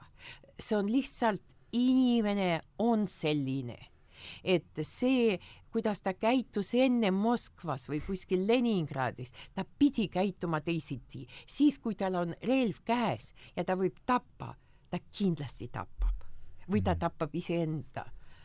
Kui mitte, siis ta tapab teisi. Ja kui ta tapab üks kord, siis ta tapab mitu korda. Ja siis ta lõppude lõpuks ta naudib seda. Et nagu La Rochefoucauld ütles, on naisi, kes iialgi ei peta oma meest äh, aga ei ole naisi, kes petab ainult üks kord. Mm. ja tähendab, võib öelda, et on inimesi, kes ei tapnud kunagi, kes tap-, aga ei ole neid, kes tappis ainult üks kord. Mm.. see tapab juba iga päev Ivar, lisada midagi just see keele poole pealt, et ja, kas oled seda originaalis lugenud? ei ole, aga ole. ma olen uurijatelt lugenud ja noh, nüüd seda tõlget ka lugedes, et tal on see jah, lüüriline proosa, et tema lause on lüüriline proosa ja ta tõesti väldib keerukat filosoofilist sõnavara. ja need on ju kõik ikka väga lihtsad äh, ja, ja et siin. tema see eksist-, tema annab inimeksistentsi edasi just lugudena ja, ja see lugeja loob selle oma filosoofilise raami ise, et ta tõesti väga teadlikult väldib seda Pasternaki filosoofilist stiili ja, ja see selline lüüriline ja voogav selline lauserütm on hästi tuntav, hästi, see on ka tõlgetes selgelt aru saada. et noh, vene keeles on ta kindlasti veel lüürilisem lugeda, et aga, aga see, seda paradoksaalsem ongi see, et see süžee, mida ta edasi annab nii ilusa keelega, tekit-, võib lugejas tekitada noh, et sa ehmatad tegelikult ära sellest vastuolust. sest ütleme, et, et ega temast kangemat teksti annab ikka Gulagi kirjanduses leida, et, et jaa, aga tead äh,, arvesta veel sellega, et ta iialgi ei kirjelda midagi õudsat. näiteks ta kirjutab, et, et, et need inimesed, äh, need platnõie, eesti keeles on ja, ka platnõie, nemad platnõie, vägistavad, kui on võimalus, vägistavad lapsi näiteks. ta, ta ei kirjelda äh, ühtegi ja, korda, ta lihtsalt kirju-, no lihtsalt mainib seda, ütleb, et kui neil on võimalus, siis nad teevad seda. aga äh, võiks ju kirjeldada, võiks, et me oleksime äh, õudses selles olukorras, et me, me peame seda lugema, ei, mitte midagi sellist ei ole. et kuidas nad tapavad, et inimene läheb valgeks, näo läks valgeks ja, ja. ja ta kukkus maha, kõik et äh, igal pool me praegult loeme õudsaid asju, kuidas nad tapavad, kuidas no, nad piinavad. halva, halva kirjaniku tunnus. halva kirjanik, halb kirjanik alati äh, pisiasjadest kirjutab täpselt, et kuidas see mm. äh, äh, käitus, kuidas ta otsis seda nuga, kuidas ta võttis seda nuga kinni, kuidas ta äh, torkas siis ja äh, Šalamov iialgi ei kirjelda seda. et ta ikkagi noh, jätkab seda sümbolistlikku stiili väga selgelt Vene Punini ja et eh, lugu peab olema ka sümbolistlik, mitte äärmuslikult naturalistlik.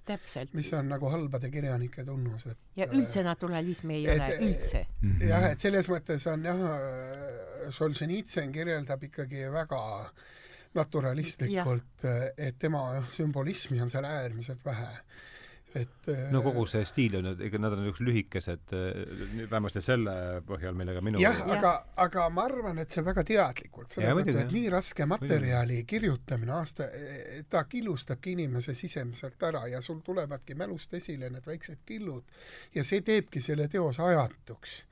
ja, ja inimene saab tõesti lugeda ühe loo päevas ja. ja mõelda sellele, et ta nagu ei lämmata inimest ja. ära, see tekst. tead, tal on üksainuke naturalistlik loo, üksainuke. ja see jäi mulle ka äh, meelde ja ma kogu aeg kahtlen, ma ei tea, kas on ta hea või võib-olla peaks loobuma sellest, et äh, tal oli võimalus anda analüüsi et siis ta võiks äh, haiglasse minema mm, -hmm. aga mhm. kuna nad sõid nii vähe.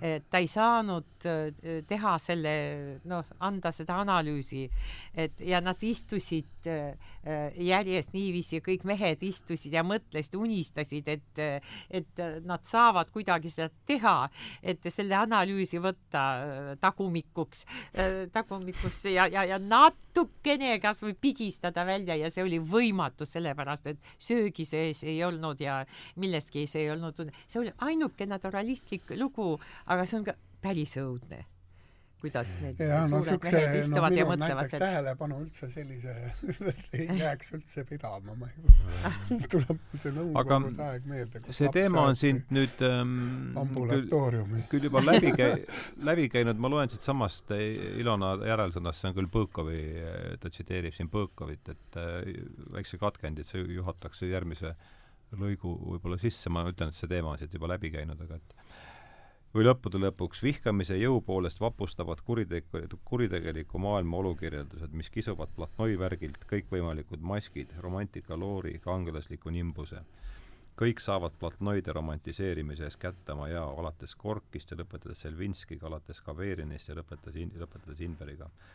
platnoide hella metsikust kirjeldatakse sama plastilise veendumuse astmes, sama füüsilise tõepäraga nagu varem näljapiinu. Pärast Šalamovi lugemist tahaks tõepoolest jalamaid lõigata tüki leiba ja järada seda ahnelt, vähemasti seda õigust nautides kordan, kõigi nende asjade eest peaks teda sügavasti kummardades tänama, kuid millegipärast olen ma elu jooksul kohanud harva Šalamovile tänulikke lugejaid.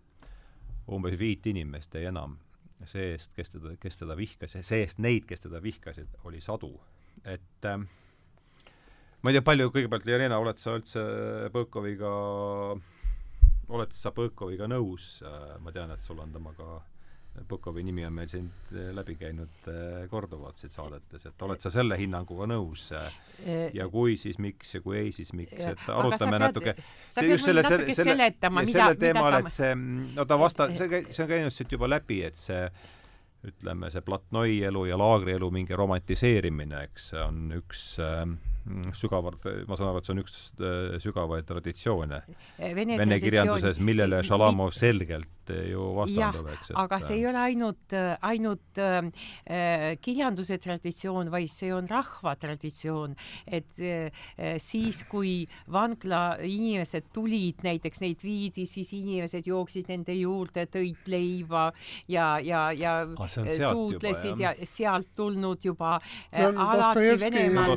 Dostojevski et nendele tuleb armuandja jah, ja, ja ma, ma pean ütlema, et minu, minu äh, isa rääkis mulle ka, et siis, kui need äh, peale sõda äh, vanglasse läksid äh, natsid niiviisi mööda tänavat needsamad inimesed, keda nad tapsid ja kes olid laagris või ei tea, kelle mehed on hukkunud, nemad, need naised tulid ka leivaga ja tõid ja andsid ka, selle, see oli südames ja, ja kõik nad tulid ja vaatasid, kuidas need inimesed läksid, need olid juba vaesed inimesed, need olid juba ka kannatlikud inimesed, et see, kes kannatab Venemaal, sellel on alati õigus ja, ja alati tema pool on paljud-paljud inimesed.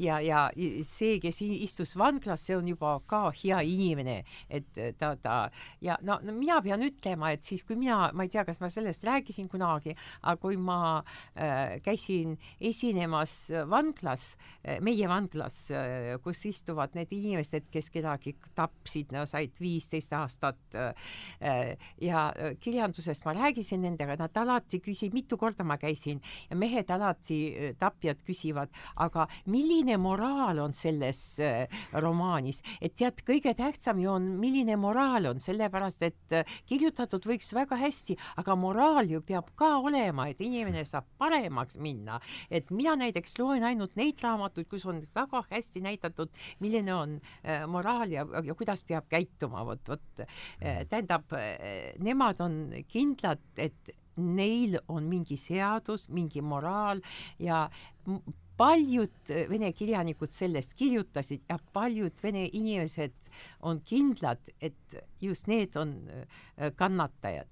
Ja selle tõttu Šalamov paljudele ei meeldi, et mingit romantikat seal ei ole, mingit äh, reegleid seal ei ole, nad on kõik ja, ja see ei ole elukool sealt ei tule välja head inimesed, seal, seal tulevad inimesed halvad välja, kui nad saavad elada edasi, nad, nad on halvad inimesed, nad ei ole head inimesed. sellest Salamov väga palju kirjutab. jah, sellest ta selgelt vastandub sellele traditsioonile, mis siis e, äh... ja see on vastu nagu selle traditsiooni vastane. ja, ja, ja sellepärast Salamov ei ole, e, no paljud inimesed armastavad teda, need, kes armastavad kirjandust, aga harilikud inimesed, kes loevad, kuidas nii, e, meie teame, et need, kes on kuritegijad, neil on ka oma reeglid, need on oma seadused, nemad on väga head inimesed mõnes mõttes.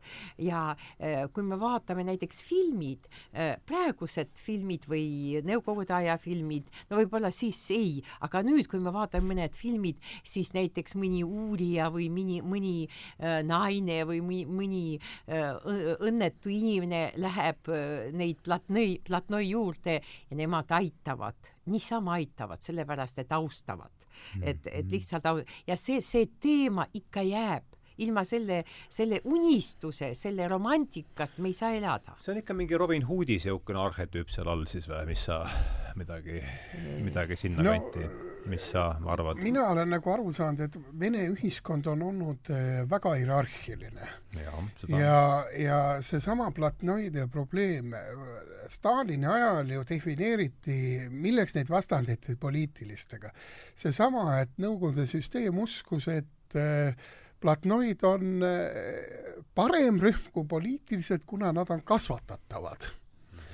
Ja, ja, ja kui vaadata seda Gulagi kirjandust, äh, et ka Dostojevski teoses Märkmeid surnud, et seal on ka väga selgelt, et ikkagi kurjategijatele tuli armuandi anda, kurjategijatega läksid naised tihti asumisele kaasa. ja kriminaalid. Eh, kriminaalid, et see kriminaalsus kui eh, kriminaalsus oli teatud mõttes paratamatus ja see sündis ühiskonna ebaõiglusest ja need on niisugused kannatajad, kes tulevad välja ühiskonna ebaõiglastest struktuuridest mm. -hmm. ja, ja, ja Mosk, kes on vähegi seda Venemaa olme ajalugu lugenud, seal olid ju terved varga dünastiad, kes äh, ja, ja. ja kes tegelesid kelmustega ja kui sa sündisid sinna sotsiaalsesse klassi, siis sa üldiselt jäid.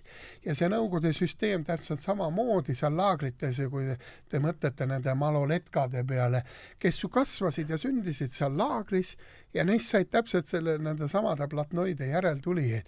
et see on niivõrd hierarhiline maailm ja, ja, ja kuidas noh, loomulikult Šalamov nägi nende inimeste tegelikku loomust, nende tegelikku, aga ta elas nende seas, tavainimene ju nende seas ei ela, ta näeb neid võib-olla paar korda elu jooksul või satub ise varga ohvriks või mida iganes, aga see romantika vene kirjanduses on tõesti olemas, et ja praegu on ka, kui sa see on vaatad... ka Tolstoil on näiteks Tolstoi... üles, ülestõusmise, see on ju puhtalt kuritegevust mm, romantiseeriv teos. Ja, ja mulle meenus kunagi pluss Vysotski vene see... psühhiaatri kindlasti, kindlasti.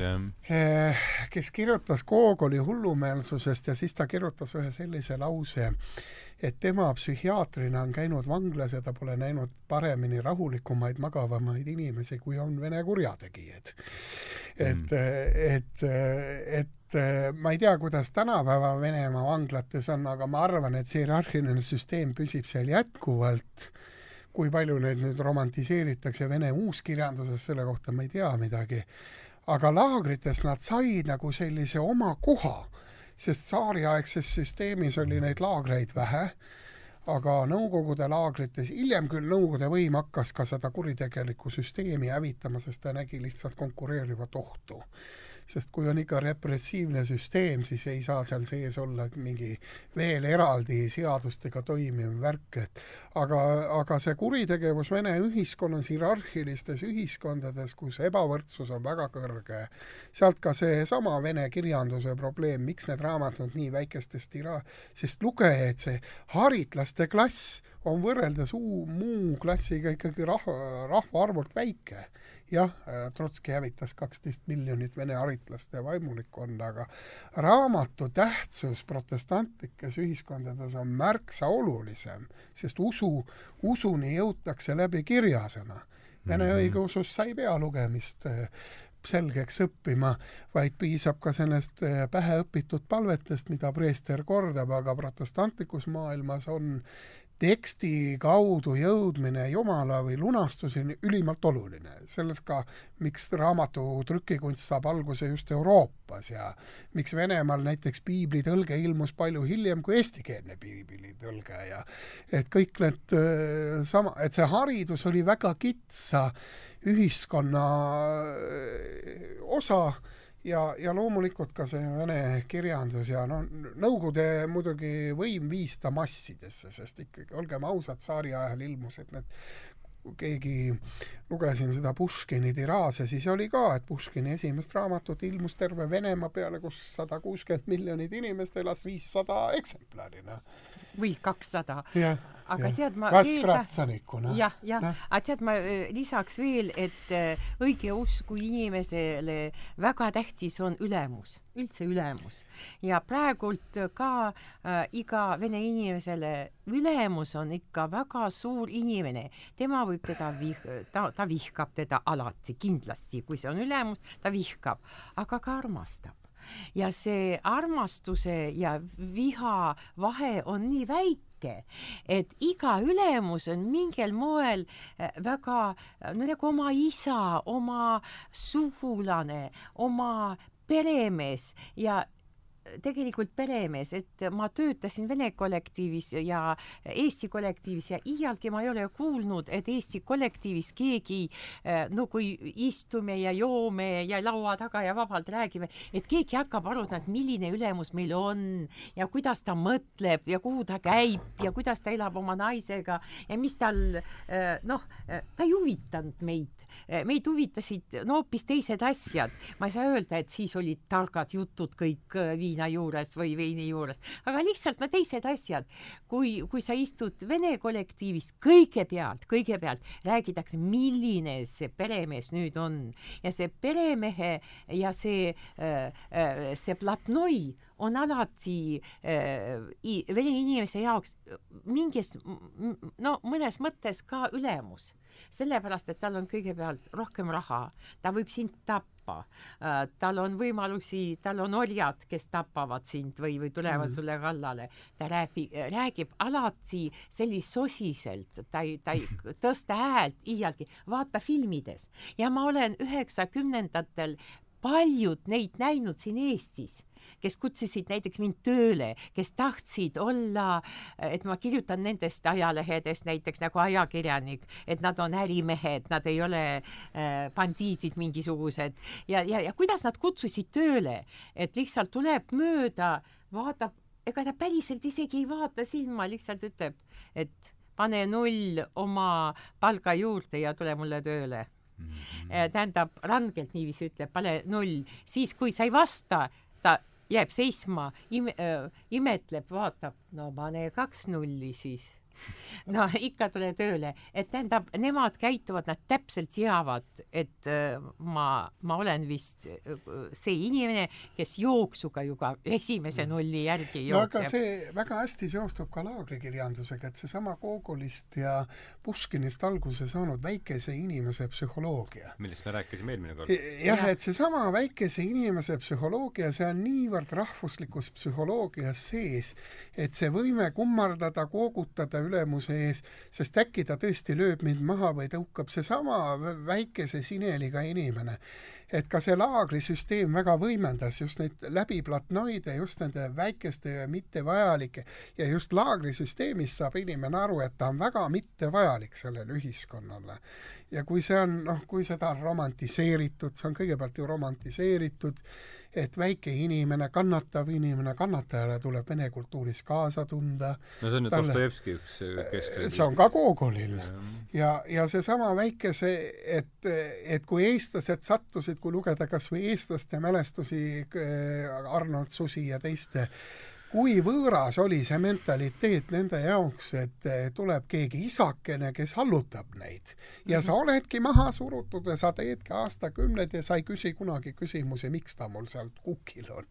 et Eesti, et see sõltub ka väga rahvuslikust psühholoogiast või sellisest kollektiivsest psühholoogiast aga noh, kuna vene rahvas on tõesti suur rahvas ja see on väga hierarhiline rahvas, siis seal leidub ikka kõiksuguseid tüüpe ja nähtusi. ja see vene rahva hierarhilisus, see on nüüd siin mitu korda ja, äh, käinud äh, läbi, et sa oled nõus sellega, Jelena? Äh, jah, jah, jah, ma, ma tihti olen kuulnud äh, iga, no näiteks tööl, kus ma äh, olin äh,, ma äh, tihti olen kuulnud, et mikspärast ma olen selline julge, et otseselt näkku ütlen äh, ülemusele, et mida ma mõtlen tema kohta koosolekul või äh, ma ei tea, kuskil või kui teised inimesed ka kuulavad ja alandan teda ja õudselt ebaviisakalt kohe käitun ja pärast pärast inimesed küsivad, et kuidas sa oled nii julge? Ja ma pean ausalt ütlema sellepärast, et ma olen, sellepärast, et ma kardan teda. Ja et mul on üks ainuke võimalus äh, sellest mhm. kartmisest äh, kuidagi üle tulla. ja, ja ma pean ütlema seda, muidu ma jäängi selleks väikseks inimeseks, kes ei saa enam kirjutada, kes ei saa enam kirjanik olla. Ja see on õudne situatsioon, kuidas sa lihtsalt ebaviisakalt käitud, ebaviisakalt räägid. Ja näiteks ma iialgi ei ole lubanud, et inimene, äh, ülemus ütleb mulle sina ja, ja, ja mina pean talle ütlema teie. Ja vene, äh, äh, vene no näiteks grupp, no tööl enamasti on niiviisi, et ülemus ütleb sina ja sina vastab teie ja veel nimi ja isa nimi ja, ja, ja tema kuidagi vaatab sulle otsa, ütleb, et sina lähed ja teed seda ja iialgi ei ütle, et palun ole nii hea, et tee seda. ei, ei et see ei tähenda, et kõik Eesti juhatajad on head või kõik Vene juhatajad no, halvad, aga lihtsalt äh, see käitumine on äh, teistsugune. ühiskond on siin ikka selgelt egalitaarsem jah, selles ei ole et äh, aga mitte, et me peaks siin nüüd pikalt peatuma, aga see üks koht, mis mul ähm, tekitas siin huvi, et seitsmekümne teisel aastal, ma loen jälle seda järelsõna, et et sai Šalamov teada, et Kolõmaa jutud on ilmunud kirjastuses Bossiev, et mis see Bassiev, Bassiev, Bassiev, see, see tähendab, et kuidas, mis, see on ikkagi siis põrandaalune ja, ja see on ebaseaduslik. ei, see on välja, no ta ju protestis ju selle vastu. ja ma, räägime sellest, et see tundus, et mis, kuidas, et seitsekümmend ähm, kaks, kuidas saab niisugune asi üldse kuskil ilmuda, see oli ju ikkagi ei, Bassiev ei olnud ju Venemaal, ei olnud Nõukogude Liidus. aga Bassiev Kiev oli äh, jaa ja, see oli ja, lääne ja, asi. Ja muidugi, kuidas see kõik käis, et kuidas see kõik käis ja sellega tegelesid, tegelesid paljud inimesed. Ja need diplomaadid äh, tegelesid sellega ja äh, diplomaatid kõige rohkem tegelesid, tegelesid aga tal oli siis samasugune asi, nagu juhtus või see nagu Solženitsõniga oli siis? ja no ja, tähendab, asi oli mikro, mikrofilmid ja. ja need siis panid noh äh, aa no siis on muidugi palju lihtsam kõik, mis, mis kurat, mis see, nagu ei klapi üldse, see tund-, mis maal see oli üldse, see? see Passeef Ameerikas. Ameerikas, jah ja, ja ma vaatasin jah, et nagu, nagu venepärane nimi, siis on, siis ei, läheb kõik muidugi jälle korda. sest seitsekümmend kaheksa ta ju Londonis ilmus ju venekeelsena. täpselt ja, ja siis seitsekümmend kaheksa. seitsekümmend kaheksa, jah. ja Pasternaki doktor Živago ka ilmus ju Itaalias esimesena Äh, inimesed tulid ja, ja, diplomaatia no, passiga ja, ja sest ta ju seitsekümmend sai mis... Äh, Prantsuse pennklubi nagu auhinna, millele ja. ta, et see juba näitas, et läänes pidi see tekst juba väga levinud olema ja, kirjandusringkondades. aga noh, ta protestis, sest ta sai ju aru sellest, milline surve tuleb KGB poolt temale. ei, ennem KGB käis tema juures ja nõudis seda no, ja siis, siis ta see, ta ka hiljem protestis. no pärast viiekümne kolmandat enam kinni ei istunud, eks, siis ta sai äh, siis viiskümmend kolm ta sai lahti, eks no, ja siis ta no, enam kinni, siis ta kinni ei läinud. ta, ta ki-, siis tegi juba kõik, mis ta pidi tegema, ta kirjutas mm. neid kirju, et ta protestis, ta ütles, et ta kirjutab vene rahva jaoks. no kõik need kirjad olid no juba valmis, trafaletid on, olid valmis mm -hmm. tehtud, sa pidid ainult alla kirjutama või seda ka ei olnud nii tarvis et.... viiskümmend üks pääses ta. viiskümmend üks, jaa, viiskümmend kolm sai so-. välja ja, ja siis läheb ta viiekümne kolmandal aastal Pasternaki kaudu kirjandusettevõttes kes alustab oma tööd lugude kogumikuga ja lahutab aga siis ta töötabki vabakutselise ajakirjanikuna. ja, ja enam ta ei huvita äh, ja, ja siis ongi, siis ta, ta hakkab neid samu oma raamatut kirjutama tsüklitena ja, ja Hruštšovi oli huvitatud ainult, et see jääb kõik siin kodus ja midagi ei lähe välja, et see oli väga tähtis, et sa pidid no sellepärast ta kaheksakümne teisel ka sinna hullumajja pandigi sisuliselt. tal oli küll kopsuhaigus juba siis välja kujunenud. kakskümmend kaks, oota, aga mis see aga ta ei saanud raha ka, Solženitsõn ei, ta ei saanud ühtki ühtegi kopikat, aga Solženitsõn sai kõik oma raha. äh, kõik oma raha ja ta muretses selle eest ja ta oli ikka matemaatik. ja Solženitsõn ju, ta oli matemaatik, ta oskas matemaatik, oma raha te... Äh, nendel rahaturgudel teha suuremat raha, ta oli ja. ju matemaatik, noh. Mis mul sellest matemaatikast oli..., kui ma ei oska sellega raha teha? Jah, jah noh, väga-väga, väga naljakas asi. et tema et... jah, ei saanud, ta suri vaesena, nii et ta ei saanud, ta ei ole ka... siiamaani saanud, ma ei tea, kas temal pärijaid jäi, tütar tal oli ju vot seda ma täpselt ei mäleta, kas isegi poiss, poeg oli ka vist esimesel abiellul, selle... pärast, pärast tütar. tütar A, oli. tal oli. jah, lapsi oli, jah ja.. Kas nad elus veel või ei tea? ei tea, jah. jah jah, need toidukirjeldused, nii palju kui ma siit selle leiba, kus siin see oli, ma ei leia seda praegu üles aga noh, ta elab edasi ja teda on nüüd avastatud ka akadeemilistes mälu-uuringu ringkondades ja ja, ja palju publikatsioone on tulnud ka saksakeelsetes ülikoolides ja et see tekst on ikkagi nüüd jõudnud ikkagi sellesse faasi, kus teda tõesti uuritakse. jah, ja Gray oli tõesti esimene, sest ei ole ta jah, ütleme, Solženitsõnit ju ikkagi teavad, noh ikkagi peaaegu no Nobeli auhind iseenesest juba sest nüüd alles Kriminaalsed visandid kahes köites, nüüd alles ilmus paar päeva tagasi, ka neljateistkümnendal jaanuaril ingliskeelses tõlkes mhm. alles mm. -hmm. ja see lugude raamat ju paar aastat tagasi alles, kui seesama kuulus Tšehhovi uurija tegi tõlk, korraliku mhm. tõlke, et et -hmm. tihti rikub ka väga halb tõlge ära retseptsiooni sest uurijad ei saa seda, selle tekstiga töötada, kuna ei saa aru, milli-, millistest lausetest või mõistetest jutt on. no kujutan ette, tõlgitud on ta palju vast. tõlgitud on väga palju, teda on, äh, teda ei ole nii raske tõlgida, nagu mm. võib arvata, et lihtsalt kui saad aru, millest on jutt, äh, ma mõtlen, et äh, ikkagi peab väga hästi no, nagu Ilona teab, millest on jutt, siis äh, seda saab tõlgida et kui, kui ei tea seda taustat või, või, või ei tea seda aga kes selle konteksti. tõlke idee pakkus välja? mina pakkusin välja, jah. ahah, ahah, sest no, see on, noh, see on see natuke see Petersoni, nüüd tuleb mul järjest niisugune kolm äh, põrguraamatut, üks on see Teine maailm, ma ei mäleta, mis oli see Poola autor. see Poola autor, jah. mis on ka väga hea. jah, ja, ja, ja siis tuleb Tavalised mehed, nii et see tuleb üks, äh, see on Christopher Browningu see mm, äh, Saksa politseipataljonist mm. -hmm. ahaa, seda ma pole kuulnud. Need on jah, me tahame nad üheskoos esitleda, et see on siis ütleme mm, -hmm. näitab selle skaala teise poole ära, kuhu ma ja muidugi Salamovi kohta selle, tuleb seal... ka öelda, et ikkagi väga vähe on tema kohta eestikeelset materjali, peaaegu mitte. see on esimene teos ju Eesti. mitte ühtki korralikku ülevaateartiklit ei Loomingus, ei Akadeemias äh, noh, see ongi esimene järelsõna nüüd ja siis selle ühe Eesti mehe, kes temaga kokku puutus vangilaagris üheksakümnendatel kirjutatud väiksed mälukillud, aga see on ka kõik. aga kus see on? Ma saadan sulle viite, nii et äh, ta ise andis välja ühe vihiku, kus siis ta noh mm., on ka pildid osaliselt mm. sees ja ja, ja, ja noh, tema, ja ta on ka mingi ühe lühijutlu ära tõlkinud seal mm. -hmm.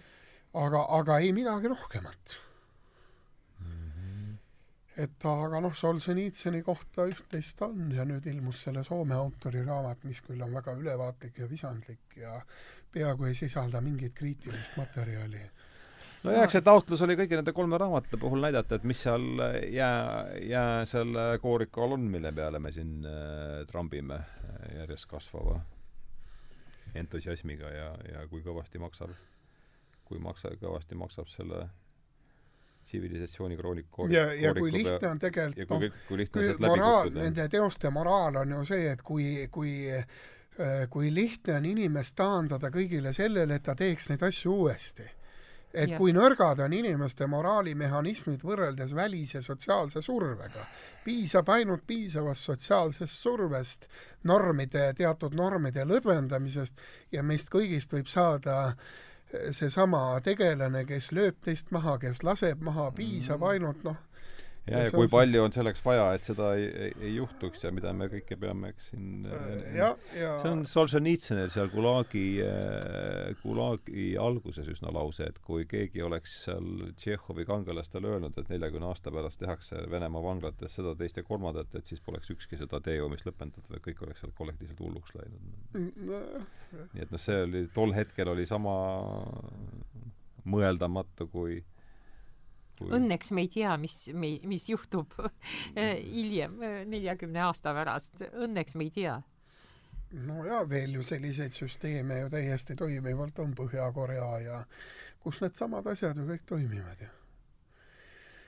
laagrite süsteemid olemas ja, ja, ja, ja noh, küsimus on ju ka selles Gulaagi no, autorite siin... otsingus, et, et mis on ikkagi need tingimused, millega hakkavad ju hiljem tegelema lääne sotsioloogid Adorno ja eh, küsima selle isiksuse tüübi järgi, kes on võimeline nendeks tegudeks. Ja siis tuleb välja, et me kõik oleme võimeline tegema, sest meie kõigi sees on olemas isiksuse mehhanismid, mida on võimalik treenida selleks ja seesama autoritaarne isiksus, no Adorno tegi skaala ja uuris just neid inimesi, et tahtis teada, kes need inimesed lõpuks on, kes olid nõus fašistlikesse laagritesse lapsi maha laskma, naisi näljutama. no see on täpselt see, millest Browning kirjutab sellesse jah, jah, ja tema töötas välja spetsiaalsed skaalad ja näitas empiiriliselt, et me kõik oleme võimelised selleks tegema aga, aga Arendt lähtus juba märksa filosoofilisemast süsteemist, et teda huvitasid eelkõige moraali küsimused ja sellest, et miks need moraalitoed teatud, küsimus on ka kriisiolukorras, et miks kriisiolukordades inimesel lagunevad ära aastakümnete kasvatuse jooksul, hariduse jooksul kujundatud moraalsed toed miks nad väga lühikese aja jooksul ära lagunevad ja inimesed neid tegusid teevad. aga sovjettidel oli ju väga selgelt ju see, et rõhuti näljale, hirmule, ellujäämis äh, ellujäämisvajadusele, sest lõppude lõpuks kõikidel inimestel on õigus elule. ja kui seda printsiipi moraali filosoofiliselt rikutakse, siis on kogu elu, elu alused segamini löödud sest kui täna keegi võtab otsuse, et minul on õigus sinu elu üle otsustada ja mul ei ole õigus elada, siis, siis millest me räägime? nojah, õigus elule, mida see nüüd, jah, nojah, jah. Ja kui sa näed, noh, laagri, laagri kirjeldused, kus inimesed iga päev näevad, et elu ei maksa mitte midagi täna sureb üks inimene, et sure sina täna, mina homme, et tekib selline filosoofia. no just seesama Gray lause, mida ma siin eelpool tsiteerisin, et nagu naljast ja külmast murtutena tuigerdasid nad oma mõttetu surma poole, sest ähm, see kuidagi jäi mulle üks lause, mis sellest aga mi-, millises Gray teoses see Straw Dogs ma tead, ma tahtsin veel öelda, et millega sa, et kuidagi liimida öö, meie juttu, et vaata, sa alustasid sellega, et sa tsiteerisid Põikovit, eks ju yeah., Ilona ees sõnas, kus ta ütleb, et vaielda Šalamoviga ei saa mm. -hmm. aga Dante, temaga võib va yeah, vaielda. Dante ei käinud põrgus. ei käinud põrgus, aga ma ütleks, et ei saa vaielda ega ühega ega teisega, sellepärast et me ei saa vaielda, kui on see äh, väga hea teos mm, -hmm. kui see on mhm andekas teos, siis ongi see tõde. tõde on sellest, kuidas on kirjutatud, aga mitte sellest, kes käis põrgus või kes mm. ei käinud. ma ütleks niiviisi ja Šalamovist ka, see, see ei ole nii tähtis, kas ta käis seal põrgus või ei. tähtsam on, kuidas, kui andekas ta on ja kui hästi ta kirjutas seda ja võib-olla see on palju tähtsam kui teis-, kõik teised asjad, mida ta ise kannatas, mida ta nägi, eh, mida ta kirjeldas, eh, kõige tähtsam on, kuidas ta seda tegi. ja, ja noh, ikkagi väga tähtis on see, et Anne sai realiseerida no, selle, selle raamatu kujul kindlasti, aga äh, ikkagi see, tingimused olid selle vastu. absoluutselt no, kõik. ja seda enam peab lugeja noh, arvestama, et see, et tema loeb seda teost oma mugavas olukorras, aga teine inimene on peaaegu kogu oma elu andnud selleks, et see raamat või see tekst oleks lugejal olemas, et see oleks ajaloo jaoks sünnitatud. Ja sa kujuta ette, mis, mis piletid jah, mis piletid need inimesed võtsid sellelt loteriilt, noh, kellest ja. ta seal kirjutab mm.. ma olen teiega nõus, aga ma ütlen ja mis pileti õuds... meie oleme saanud praeguse Sa, se, praeguse seisuga, see on ikka ja. uskumatu, et, et see paneb väga mõtlema ka tänutundele, et meie no. inimesed irisevad kõige väiksemate asjade üle, ei ole seda luksust ja me peamegi ja... virisema väiksete asjade peale, sellepärast meile nad tunnevad kõige õudsemate asjade asjadena. Ja ma ütlen õudse asja, et teate õudse asja, et, et kirjandus on palju tähtsam kui need laagrid ja need kannatused ja, ja kõik, mis Šalamoviga jut-, juhtus kirjandus on tähtsam. kirjandus võtab seda ümber nagu, nagu padjapüür, ma ei tea, ja sinna sisse mahub ka Šalamov oma laagridega ja Nõukogude vaim mahub ka. ja kui me võtame, kui me võtame näiteks Homeri äh,, kuidas vene, eesti keeles on? Homeros Homeros, võtame sellest ajast, kas meil on tähtis, millised sõjad olid sel ajal või kuidas no mõnel on. mõne, ei ole, no mõnel ajaloolane, temal on tegelikult või Shakespeare'i ajal, mis juhtus, eks ju, kõige tähtsam on, et see pädjapöör võtab sinna sisse. Ja no ma ei tea, minu, mul, minule nagu lugejale ja äh, kirjanikule tähtsam on see, kuidas see on tehtud. Ja, ja minu jaoks sellepärast on väga tähtis, et see on tõlgitud eesti keelde ka hästi. Ja üldse kirjandus on tähtsam kui meie elu. Et, et see sõna, et, et seesama sõna müstiline jõud, et sõna ületab alati inimest ennast, mida ja sõna loob inimene et seesama, et eh, kui Šalamov oleks jätnud selle loo enda sisse, oleks see temaga läinud, aga et ta suutis selle sõnasse sünnitada, seesama sõna tohutu võime tõlkida inimeksistentsi ka peale seda, kui inimene on niivõrd ajalik ja läinud ja, ja see näitabki, et kirjandus on tähtsam. et jah, selles mõttes ongi asjad. protestantlikes kultuurides sõna alati olulisem kui see, kes sõna edasi annab. et see tihti polegi tähtis et, äh, et jah, et Eesti lugejale muidugi tuleb öelda, et selle teose kõrval võiks midagi rõõmsamat lugeda.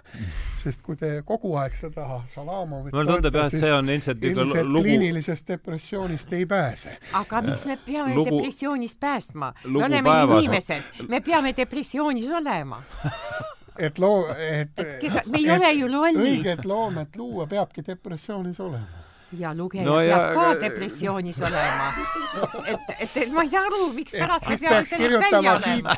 peaks kirjutama traktaadi depressiooni kiituseks, et äh, muidugi, muidugi, muidugi, sellepärast ma vaatan kirjutas hullumeelsuse ajaloo ja näitas, et hullumeelsus on jumalik seisund, et sellega, ainult selles seisus saab luua tõelisi tekste. ja selles seisus võivad, võib lugeda tõelisi seisus ja siis tahad ikka elada no,. aga sa pead aru saama, et elu ei ole nii nii kerge, nagu sulle tundub.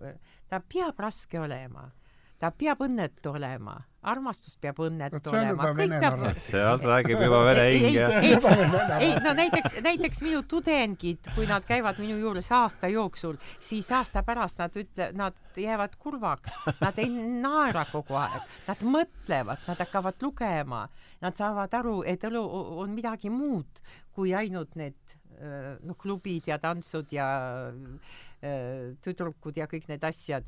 Äh, no need on ka väga tähtsad asjad, aga mitte ainult hmm.. no see oleks juba Schopenhaueri saate teema, et igavene ringkäik mõnu ja kannatuste ringrattas ja mida vanemaks saad, seda rohkem selles ringrattas prevaleerib kannatuse osakaal mm,. jah, või siis see, millest, mis Tõnu kirjutas see kodulehele, see pendel igav, igavuse ja valu vahel, et see ja, on ka päris see, kena, kena kujund.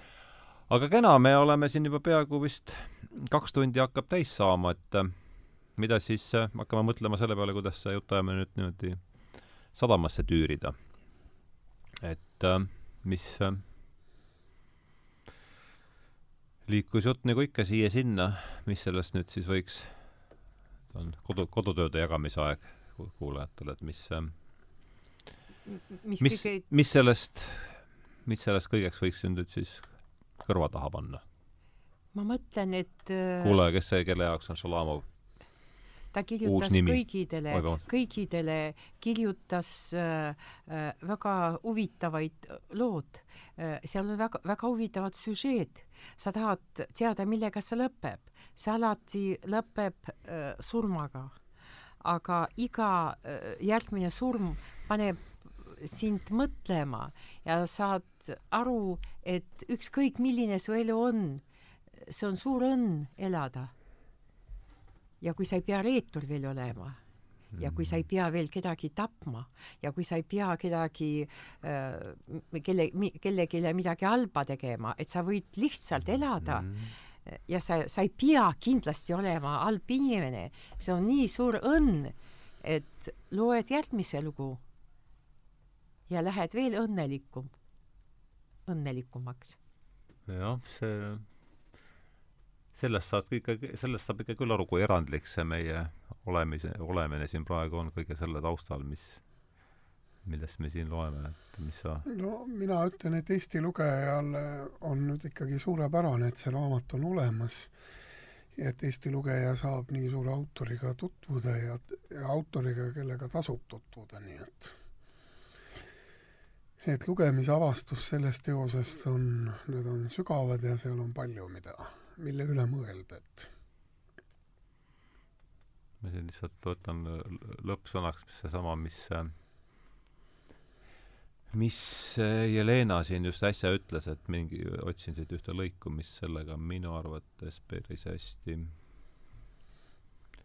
päris hästi nagu haakub, mida ma selles, selles äh, rääkis see, või kas see Jonathan Lettelli nimi Eumeniidid äh, sai, ilmus Prantsusmaal või prantsuse keeles ilmus ta ja räägib siis sellest geno-, räägib siis holokaustist selle toimepanija, toimepanija seisukohalt on see peategelane üks SS Obersturmführer Max Aue, kelle mälestused on seal. Ja tema ütleb siis oma fiktiivsete mäletust, mälestuste eessõnas, sõnad, millega järsku ongi hea see jutuajamine, mis täna oli, mille teema oli täna nüüd raskem kui, kui mõni muu siin. aga see ütleb siis selle fiktiivsete, fiktiivsete mälestuste autor oma eessõnas sõnad, mis kõlavad, mul on kuidagi väga kaasas kõlavad, et kui te olete sündinud maal ja ajal, mille, mil mitte üksnes keegi teie, mil mitte üksnes keegi ei tule teie naist ja teie lapsi tapma, vaid keegi ei nõua ka teilt, et te teisi, teise, teiste naisi ja lapsi tapaksite, siis tänage Jumalat ja elage rahus. aga pidage alati meeles, teil on lihtsalt rohkem vedanud kui mul. ja see ei tee teid veel minust paremaks sest niipea, kui te nii arvate, olete te juba ise ohus. ja see tundub võtvat päris kenasti kokku selle tänase, tänase jutuajamise teema, on teil veel lisada midagi? ei, aitab küll. ei, suur tänu.